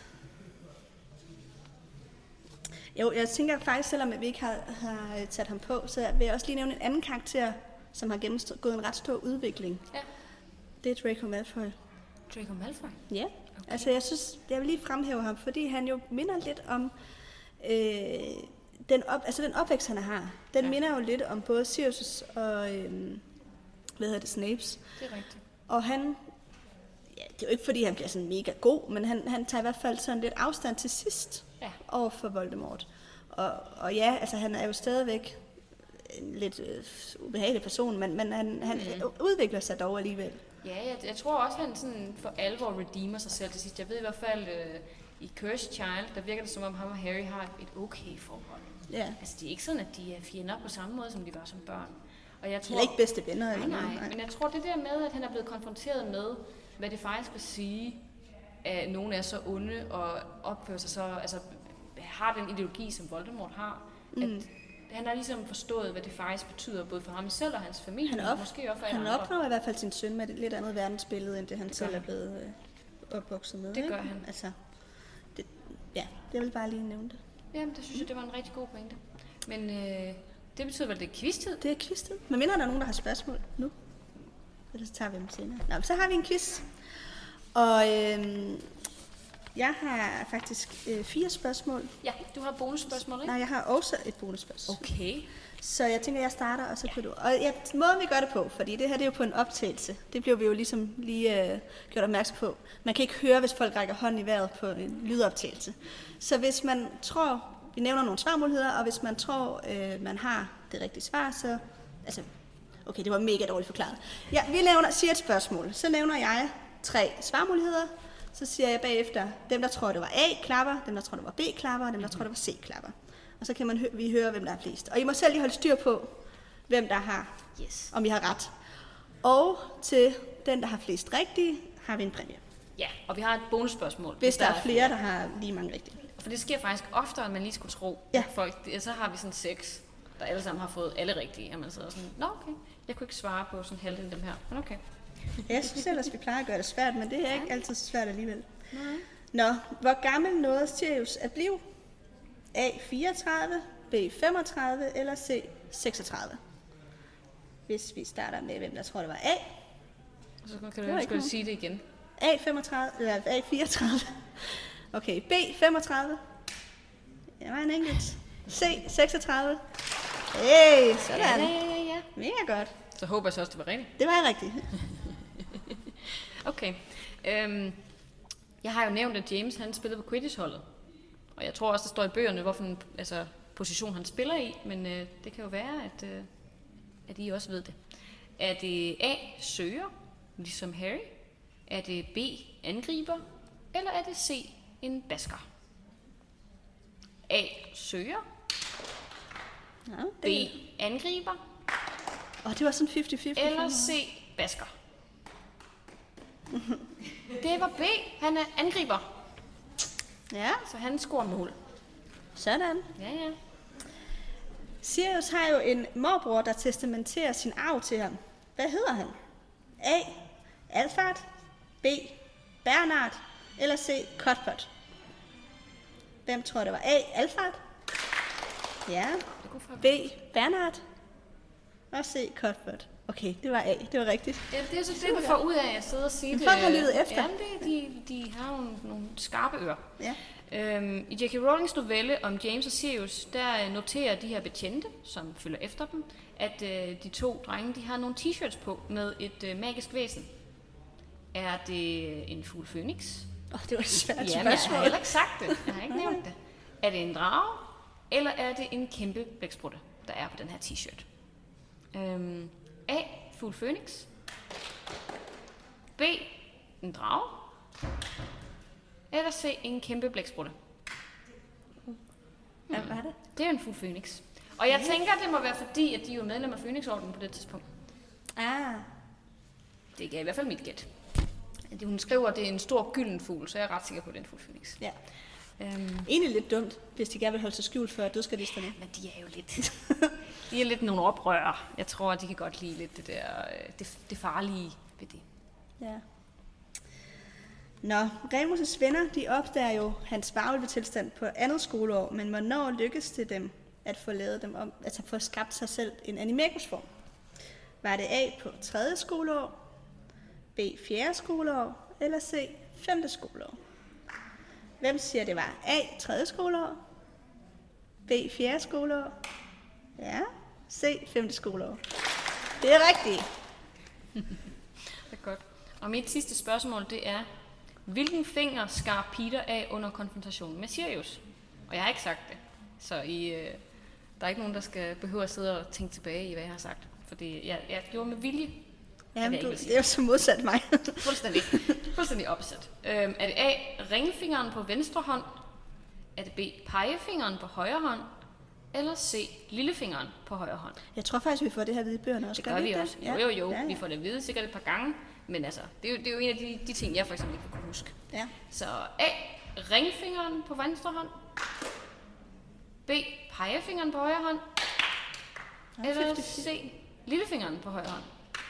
Og det er en tredjedel for er hver. meget, øh, der, er, der er virkelig, øh, men den, den er også svær. Det er B, pegefingeren på højre hånd. Ja, Og det kunne jeg ikke så huske. den her ryger. Og det var mine spørgsmål. Den der, ja, okay. Det er egentlig en dum finger at vælge. Ja, det, jeg ville også have tænkt en lillefinger. Ville det være meget smartere. Ja. Men nej, han, han, det er pegefingeren, der ryger. Ja. Og ja, det, da han hjælper øh, Voldemort med at genopstå, der er det jo hele den hånd, der ryger af. Ja, så altså hvor han i forvejen har skåret lige præcis, noget det er den Ja. samme hånd På højre hånd. på højre hånd. Ja. Er han højre eller venstre hånd? Jeg ved det faktisk ikke. Men altså, hun går jo meget op i det her med, øh, med du ved, de der klassiske onde egenskaber. Det er dem, der er onde, så han er sikkert venstrehåndet. Bare fordi hun Ja, fordi godt... det ligger der en eller anden øh, Ja. mytisk fortælling om, at man er Lige ond, hvis man er venstre hånd. Lige Ja. præcis. Så det, jeg kunne Men det giver jo mening i forhold til at skære sin hånd af. Altså, Ja. det er nemmere at skrue den hånd, man Ja, er det er faktisk til. Den stærke hånd. Ja. ja. Altså, jeg, vil, jeg er jo højre hånd, så jeg vil jo skære den. Ja, det er rigtigt. Ja. Okay, Lupus har et mellemnavn. Det fik jeg faktisk ikke nævnt. Hvad hedder han til mellemnavn? A. John. B. Hugo. Eller C. Lyle efter sin far. Jeg håber, at det er Hugo. I sommer der mødte jeg faktisk en, øh, en, en rocker, der hed John Hugo. ikke relateret til det her, men...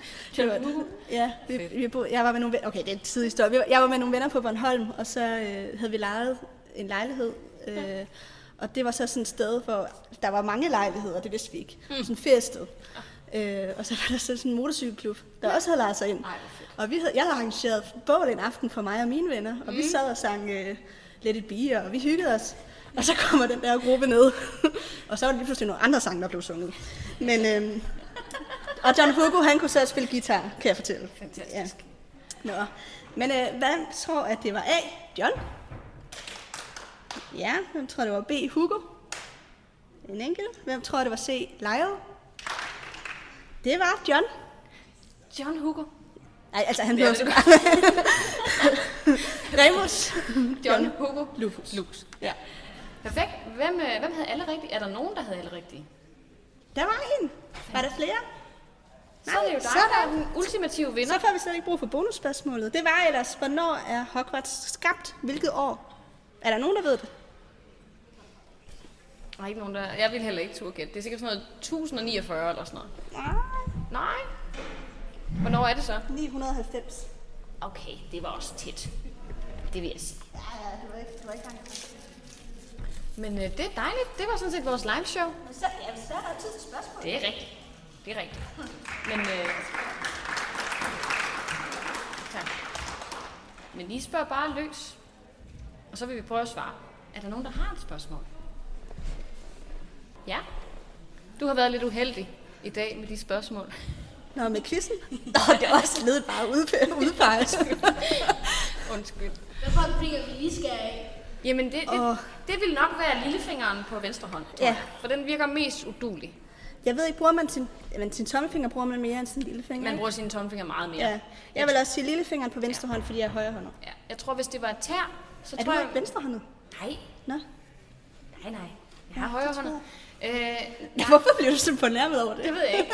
Det, jeg, jeg ved bare ikke, hvorfor du var ikke antager, at jeg er venstrehåndet. Det var da ikke Tror du, det jeg bedste. er ond? Det har man jo troet i mange år, at, øh, at hvis man var venstrehåndet, så var man ond. Og ja. nonnerne på sådan nogle katolske skoler, de fik også folk til at sidde og bruge højre hånd i stedet for, selv, selv hvis de var venstrehåndet. Ja. Så det er jo også øh, lidt interessant. Mm. Men tak for dit spørgsmål. Jeg ved ikke, der er også noget med, med tær, ikke? at hvis man, hvis man mister sin lille tog, så kan det være, at man ikke kan få balancen. Så der Ja. skal man nok være lidt påpasselig med, hvorfor man vælger på fødderne. Men der er måske så bedre at vælge en anden. Ja, det, det tror jeg måske. Det tror jeg måske. Lange, lange tone hedder det. Lange tone. Jeg ved det ikke. Den i midten. Ja. Er der andre spørgsmål? Åh, oh, jeg tror, der er spørgsmål derovre. Kan I høre det? Yes. Øh, Jeg er i tvivl om øh, tidslinjen med McGonagall. Har hun gået på Hogwarts i de ældre klasser, mens Marauders har været i de små? Øh, hun er jo... Det er et godt spørgsmål. Hvor gammel er det, hun er, da vi møder Jamen, hende? hun skulle jo være et sted i slutførende, ja. da vi møder hende, ikke? Jo, Så hun skulle altså i bog 1. i bog 1. Ja. ja. Så hun er jo noget ældre end Harrys forældre, fordi de jo så har været i start 20'erne. Ja. Så hun har jo gået der næsten 20 år før dem. ja. Hun må jo være lidt nærmere Hagrids. Eller nogen. Eller Ej. måske lidt yngre end ham, ikke?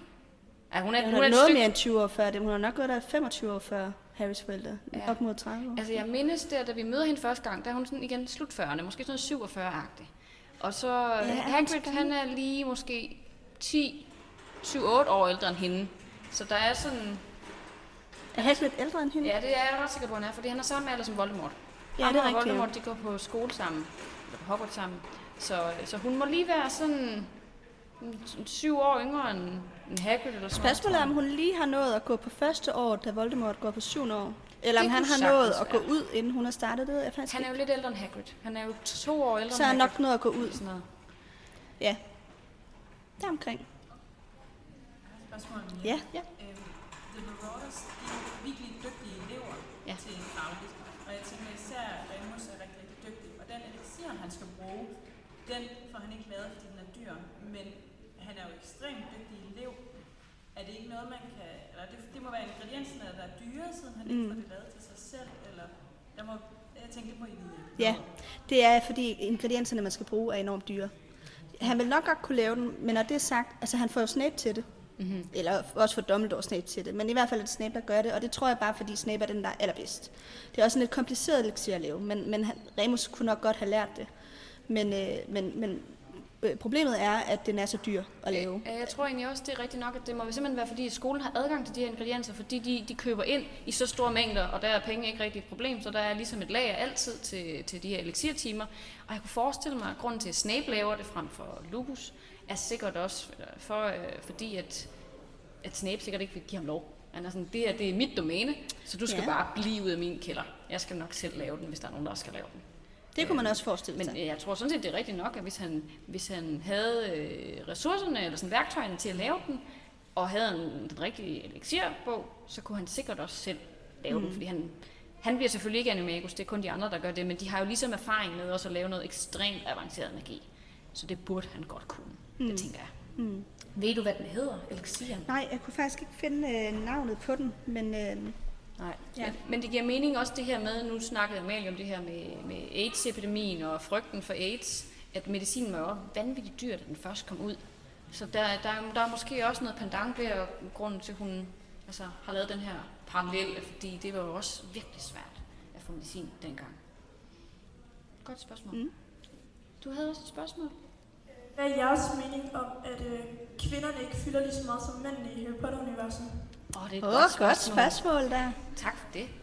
Øhm, jeg synes, det er en god pointe, og jeg synes, at J.K. Rowling hun har en, en dårlig vane lidt med at øh, altid øh, gøre sin vigtigste helte til mænd.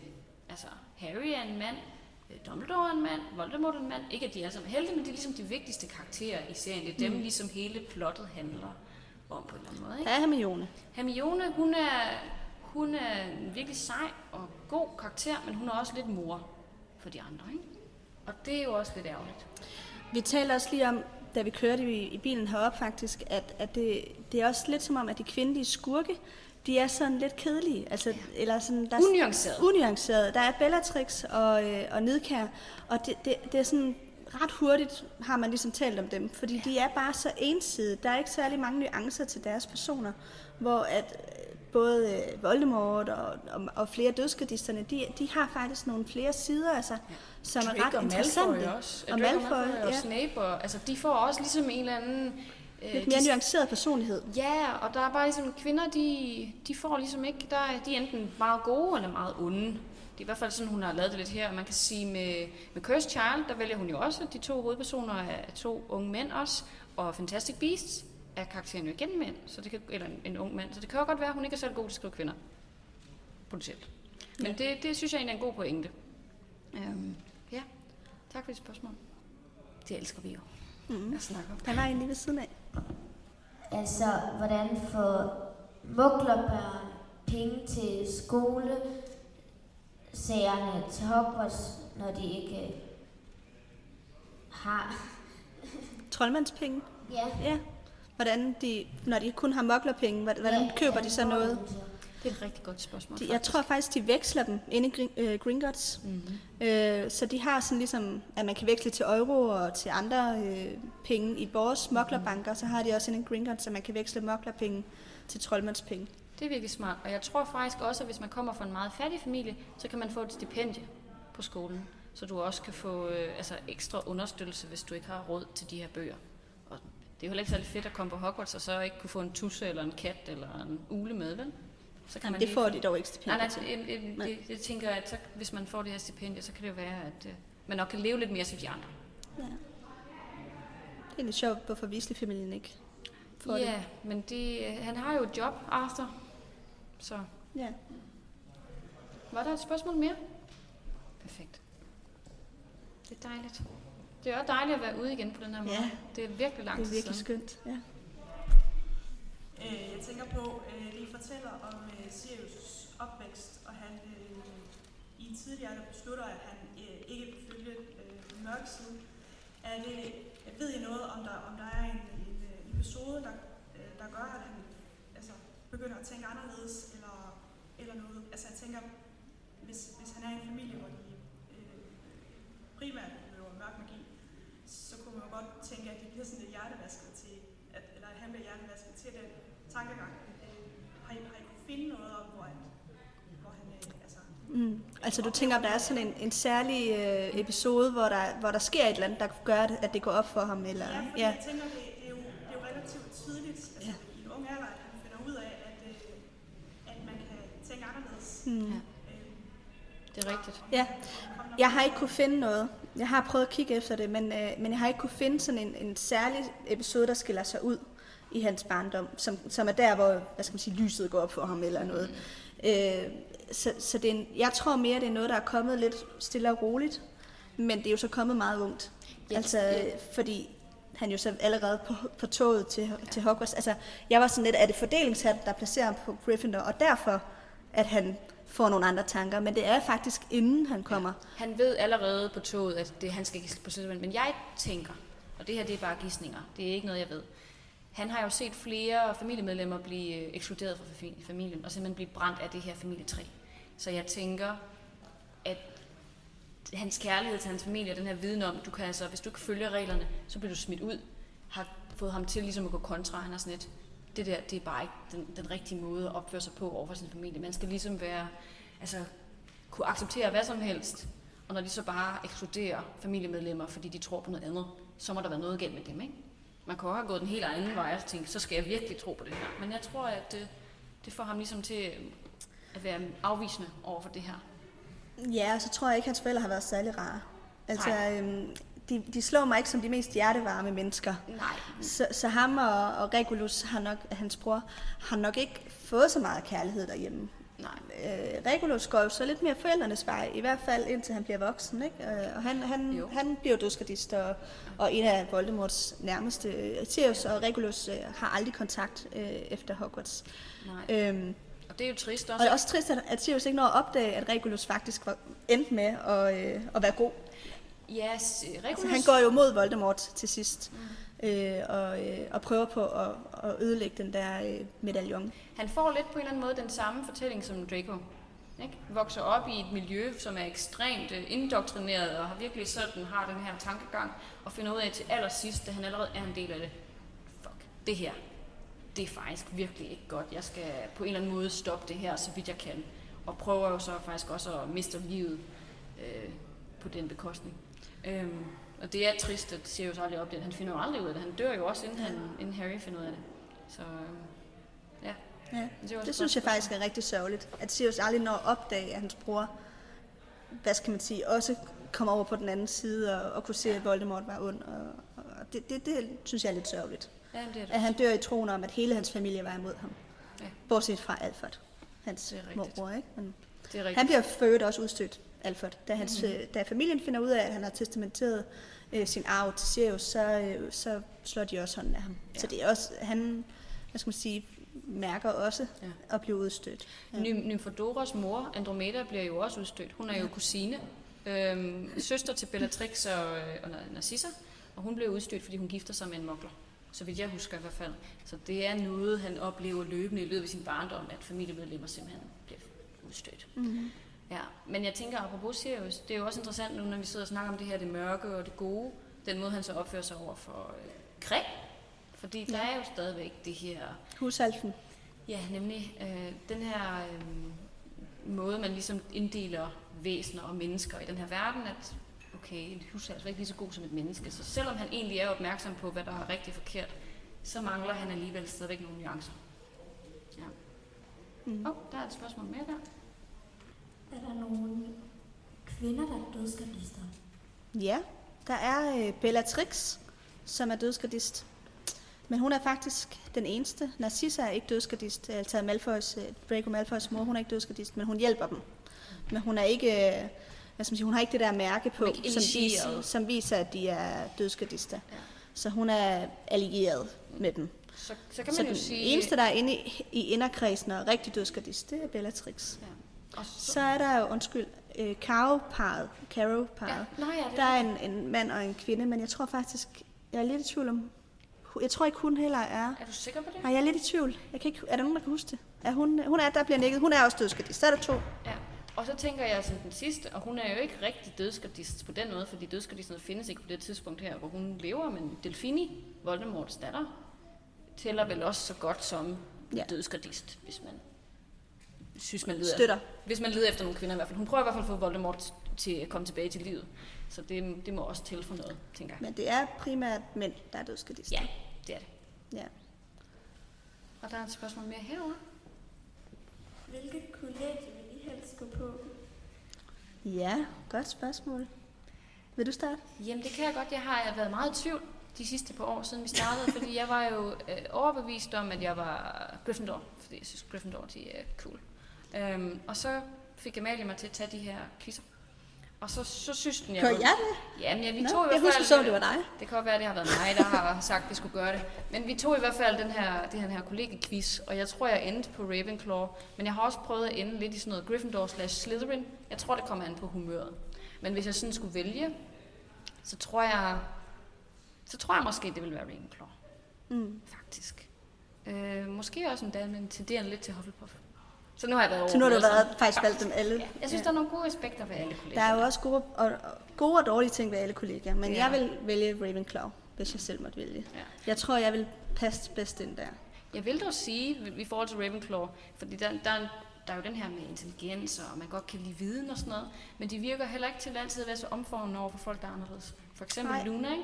Og det er jo der, hvor jeg tænker, Der kunne måske være, der kunne man måske finde sig bedre tilpas for Hufflepuff i nogle tilfælde, Mhm. mm. fordi de er mere omfavnende over for forskellighed. Og det synes jeg er vigtigt. Det er rigtigt. Jeg tror måske også, det er, altså sådan socialt er sjovere at være på Hufflepuff. Det tror jeg også. Øhm, Jeg tror, de hygger os i bagdysten.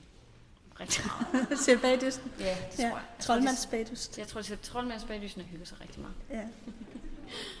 Det lyder som et sted at strikker. Det kunne være dejligt. ja. Er der flere spørgsmål? Ja. Ikke mere der. Tror du ikke det? Tror du ikke, de strikker og ser bagdysten og spiser kage? ja det, det kunne Hvad det er godt. jeres holdning til, at øh, man gemmer for eksempel Nevils forældre væk, som ligesom bliver syge, øh, sådan lidt op i hovedet, og gemmer dem væk på Song Mangus? Det var også et godt spørgsmål. Ja. Øhm, jeg synes, det er ærgerligt, at de ikke er mere med, fordi jeg synes, det er ret spændende i forhold til at forstå Nevils historie, som jeg jo virkelig synes er en undervurderet karakter. Jeg synes, han er ret spændende. Han har jo et, et ret vildt liv, øh, ligesom Harry, og øh, altså, der er mange paralleller mellem dem. Og så får han, han får bare ikke rigtig så meget opmærksomhed i bøgerne, på trods af, at der faktisk var mange ting, man kunne dykke ned i. Yeah. Men, men, og jeg synes, det er enormt spændende, at de bliver introduceret, hvor de er på St. Mungus, og, øh, og man får ligesom forståelsen for, at, at Neville kæmper med mere, end hvad man lige tror, han gør. Fordi Mm. det, det er måske næsten sværere, end hvis de havde været døde. At, at, fordi de, de ved jo ikke, hvem han er. Altså, de er jo så øh, syge eller ødelagte, eller hvad man skal kalde det, at, at de, de faktisk ikke rigtig er til at komme i kontakt med. Ja. Øhm, så det er, jo, det er jo en ret skrækkelig øh, situation, Neville er i. Så jeg, kunne- jeg kunne godt have tænkt mig, at de var mere med. Jeg kunne også godt have tænkt mig at vide lidt mere om dem. Både øh, før og efter, at det sker. Altså jeg ville også godt have vidst lidt mere om, hvad sker der med dem på St. Mungus? Hvordan bliver de behandlet? Hvordan øh, er deres øh, liv? Øh, hvornår, øh, hvornår dør de? Sker der en eller anden udvikling i deres tilstand, eller er det bare den samme hele tiden? Der er mange ting der, der kunne have været interessant at vide noget mere om. Det er rigtigt. Og jeg synes, at det er ærgerligt, at de ikke er mere med. Øhm, men Ja. det er nok også i kraft af, at Neville ikke er mere med. Og jeg, jeg tror egentlig, at øh, jeg ved ikke, om det er bevidst fra J.K. Rowlings side, men jeg tror også, der er meget af den her tilgang, de har til øh, altså, mentale sygdomme og psykiske sygdomme, og især tidligere, at man har bare smidt folk på sådan nogle sindssyge hospitaler, og så har man ligesom gemt dem der. Fordi det er nemmere, når vi skal forholde os til dem ude i samfundet. Øh, og det er jo nok den der tradition, som hun har taget med videre, ligesom hun har taget den engelske kostskoletradition og kæftrit retning i forhold til lærer og sådan noget, så har hun gjort lidt det samme her. Vi pakker dem, der har nogle sygdomme, vi ikke kan håndtere, væk. Og så forholder vi os ikke rigtigt til dem. Og forholder sig generelt ikke til psykiske Nej, problemer. Vel? præcis. Altså hun, hun, på, på Hogwarts kan man sige meget, men de er ikke interesseret i elevernes psykiske velbefindende. det er de ikke. Altså, øh, de bliver lige lappet sammen over ved Madame Pomfrey, men Ja. ja. så er det også det. Altså, øh, det- alt det der med, at de oplever mor og tortur og sådan noget, det må de bare ligesom deal med i deres egen fritid. Altså. Ja, det er rigtigt. Øh, Så, Det er så det er jo også, øh, det hænger jo meget godt sammen med den der manglende forståelse for, både på Hogwarts, men måske også i, det, i generelt i den magiske verden, at man kan være syg på flere måder. Er det egentlig Det grotesk? har de ikke særlig meget forståelse for. Ej, det er grotesk, hvordan de kan opleve de her ting, og Harry han har en samtale med Dumbledore efter Cedric dør, og så ligesom det. Så sådan, Nå, du har fået din sovesamtale, nu kan du bare gå tilbage til et andet liv. Det er jo lidt vanvittigt. Mm. Men Mm. øhm, ja, sådan fungerer det i den her verden. Ja. Der er et Men det er ærgerligt. Ja, der er et spørgsmål her, og der er et spørgsmål derovre. Hvad for en karakter er jeres yndlings? Mm. Min, den skifter lidt. Altså, øh, jeg har lyst til at sige Hermione, men det er fordi, jeg synes, at altså, uden Hermione, så var Harry jo ikke noget videre end bog 1. Altså, Nej, hun, er hun er ret vigtig for, at, at tingene lykkes. Øhm, og så synes jeg, hun er ret sej. Men jeg kunne også godt lide at fremhæve Neville, som, øh, som en af mine yndlingskarakterer. Og så vil jeg sige, er også ret vild med Luna. Hun er jo ikke kun med øh, i bog 5, 6 og 7, men, men jeg synes, hun er et øh, frisk pust med en, der er lidt øh, underlig, og det kan jeg meget godt lide. Ja, det er fedt, ikke? Og jeg tror også, at det, som Amalie siger, det er tit dem, man identificerer sig lidt med selv som person. Hvem vil man selv være i den her verden? Der, det, det er også det, man godt kan lide. Og jeg kan også se de samme ting i, i Luna, Hermione og, øh, og Neville, som du kan. Men jeg, jeg tror, øh, hvis jeg ikke skulle nævne nogen af dem, som jeg vil give det helt ret i, en fantastisk karakter alle sammen, og især Neville er mega undervurderet. øh, Dumbledore, som jeg altid siger, det er også det kedelige svar, men jeg synes bare, at han har så meget, og jeg kunne virkelig godt tænke mig at grave mere ned i, hvem han er, og den der sådan quirkiness, han har. det der med, at han godt kan lide at sidde og strikke og høre kammermusik og har en eller anden glæde for moklerslik. Og jeg, jeg, der er bare mange historier af ham, som jeg glæder mig til at, at, lære mere om. Igen, nu med Fantastic Beasts, så går de jo mere ind i, øh, i Dumbledores person selvfølgelig. Men om, Men de fremhæver ham jo ikke helt, som de gør i bøgerne, vel? Altså, vi får jo at vide, at han går i glimmersko og ja. høje hæle og er, er sådan lidt... øh, Flamboyant, ikke? Ja, feminin og flamboyant, ikke? Mm-hmm. Og det jeg i hvert fald har set indtil nu af ham, der er en sådan ret stilfuld jakkesæt. ja, det er Det mærkeligt. passer ikke sammen. Og så bliver han spillet af Jude Law, og jeg er sikker på, at han er mega flot i sin ungdom, men det føles bare sådan lidt off i forhold til, hvordan vi får ham præsenteret også i øh, film 6, må det være, hvor at vi ser de her øh, flashbacks, hvor den unge Tom Riddle, han øh, møder ham og sådan noget, hvor han jo også ligner en gammel mand. Altså, så det er bare, det er bare lidt... Filmen er ikke så gode til altid lige at finde den rigtige Nej. portrættering, synes jeg. Men Dumbledore- Dumbledore er også en god karakter. Ja, jeg synes, han er, han er cool. Han er lidt... Øh, han laver en masse fejl, men øh, det gør også en god karakter, synes jeg. Så er der noget spændende. Det er jo også, det der gør, en, gør noget til en god karakter, er jo også, at de både har gode og dårlige sider. Fordi dem der, der bare kun er gode eller kun er onde, de er lidt kedelige. Præcis. Vi- Hvorfor Nidkær ikke er en særlig spændende karakter? Ja. Eller, ja, Molly Weasley måske ikke er den mest spændende karakter, for der er ikke så mange nuancer. Øh, der var et spørgsmål derovre. ja. Hun er også lidt ensidigt. Molly. Hun, hun er lidt ensidigt, ja. Jeg tænkte på, hvordan bliver man minister for magi? Øhm, bliver man valgt, og hvem vælger, og så videre? Minister for magi er den eneste post, der er folkevalgt i, Mokler, eller i øh, troldmandssamfundet. Så man bliver valgt. Øh, de er jo ikke så mange. Øh, er det 5-6.000 eller sådan noget det, i det øh, troldmandssamfundet vi i England? mellem, mellem 3 og 5, tror jeg. Vi, vi har Ja. prøvet at regne på det på Nogle gange, ja. Så de er jo ikke så mange mennesker, men øh, så de stemmer også kun på én person, og det er så ministeren for magi, de stemmer på. Og der er, øh, der er valg øh, til den post. Jeg kan ikke lige huske, hvor ofte det skal være. Jeg tror ikke, det er ligesom i Danmark, hvor det skal være minimum hver fjerde år. Men øh, der er et eller andet system for det. Jeg kunne Øhm, forestille mig, at det sikkert er indtil der kommer en form for mistillidsvotum, eller at... Øh, Ja, det skal vælges igen. ja. Skal- skal Ja, det? skal de. Og øh, der er også nogen, der sidder i flere perioder gennem øh, tiden. Men jeg synes, det er interessant, at det er den eneste post, Ja. der bliver valgt. Altså, jeg ved godt, de ikke er mange, men, men det, det er som om, altså, så vælger man bare ligesom en diktator på en eller anden måde. Altså, det er en folkevalgt diktator. Og de, de sætter jo virkelig også rammen for alt, ikke? Cornelius Fudge, da han først til så sur på Harry og Dumbledore og beslutter sig for, at Voldemort ikke øh, findes eller ikke er kommet tilbage, der skaber han jo kæmpe ravage. Og decideret får pressen til at skrive øh, altså falske, eller lave falske historier. Lave fake news om Harry og Dumbledore, og virkelig sådan, ja, at, Og så så er store problemer for dem. er magten jo ikke tredelt i det her samfund, Nej. vel? Så, ministeren er både den udøvende, den dømmende og Ja. den lovgivende magt. Ja. Altså, så, så, så det vil sige, at ministeren har al magt. Han bestemmer det Og han har så også indflydelse på medierne, som er den fjerde uformelle statsmagt. Ikke? Så det, det, det er ret... det er, Det er et meget udemokratisk system, må man sige. Dog en folkevalg, men alligevel, ja. Det er rigtigt. Og så er der et spørgsmål herovre. Hvad tror I, jeres animagus er? Uh, hvad for en animagus vi har? Hvis, Altså- man, var, hvis man kunne finde ud af at lave en animagus. Altså, det er jo et godt spørgsmål, fordi jeg, jeg er et meget stort hundemenneske. Og da jeg var barn, der, Ja. ja.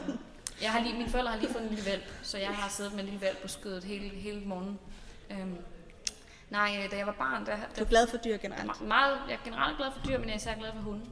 Øh, og som barn, der drømte jeg om at få en husky, sådan en stor slædehund. Så jeg Så er forestiller du ikke mig... stadig der? Ja, men det har jeg ikke plads til. Nå. I sådan en lille københavnerlejlighed. Eller sådan. Det, man kan kaste en stor hund, når man bor i lejlighed. Man skal ligesom have en have.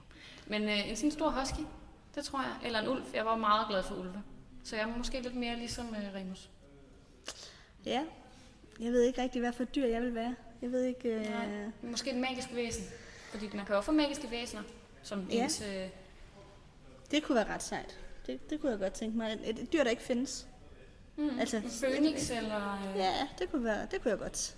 Jeg kunne godt tænke mig at være en fugl, faktisk. ja. Det der med at kunne flyve. En fuld Hvis jeg, kunne, hvis jeg kunne vælge en magisk evne, så ville det være at flyve. Det ville jeg synes kunne være mega fedt. Så jeg vil, ja, en fuld phoenix.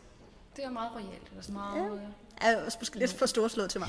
Jeg vil nok i praksis være en solsort, men altså, det, det en, en meget flot magisk solsort. ja. Det er et godt spørgsmål, tak.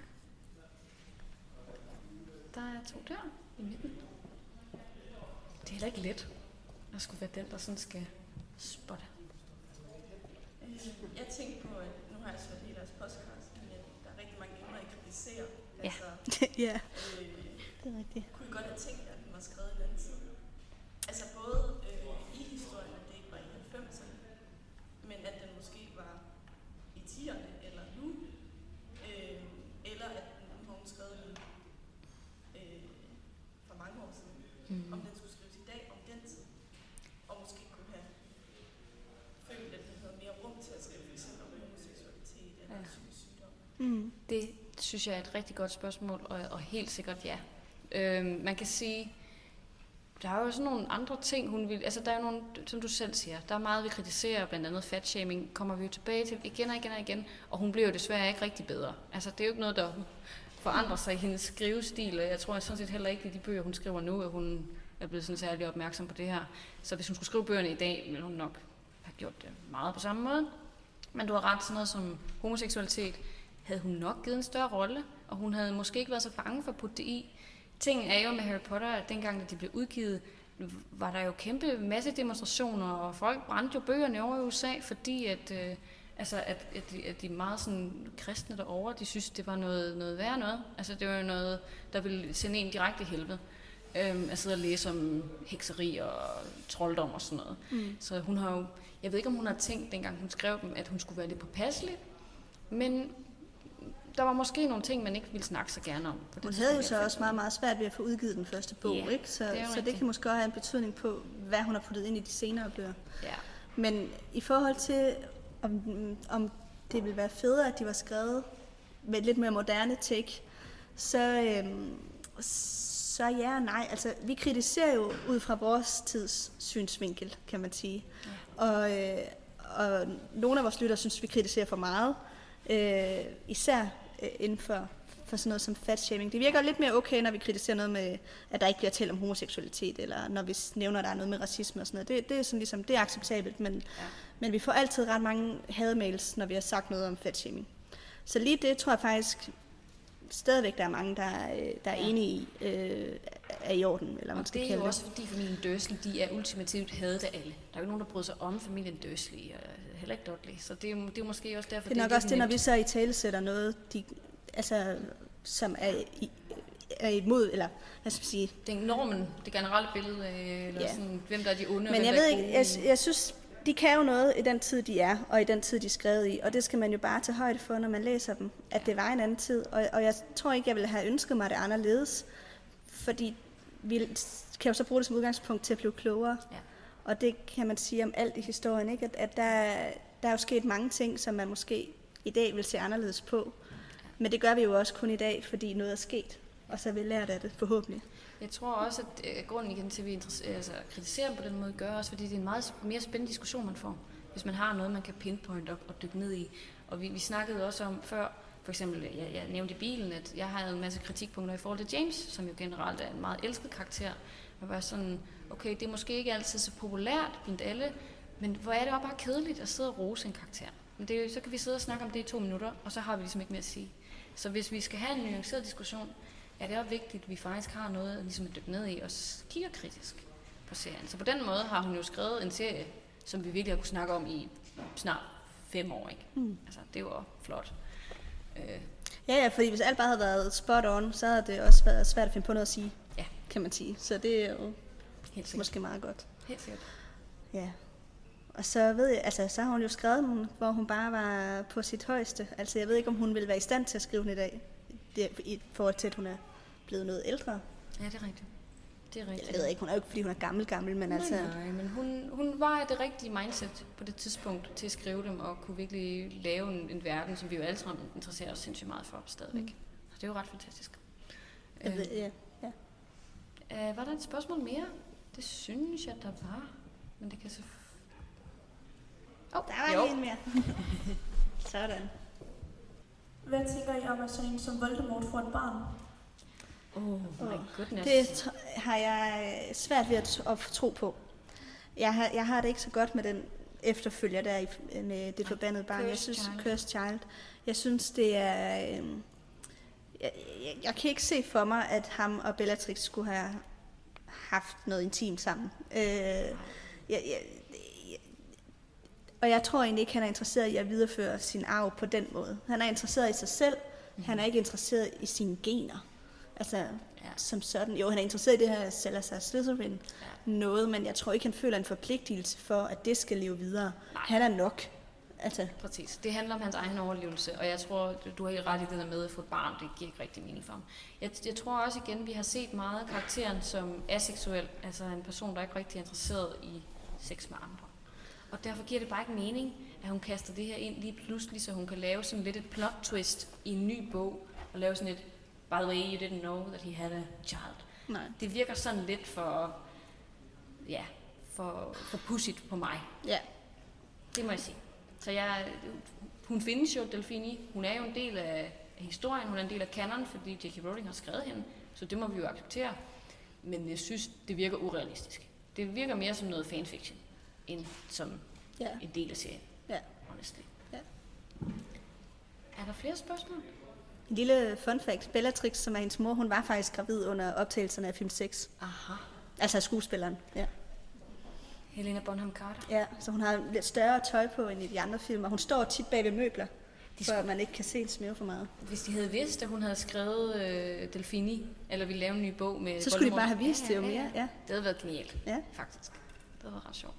Tak for i dag. ja, tak for i dag. Det var fedt.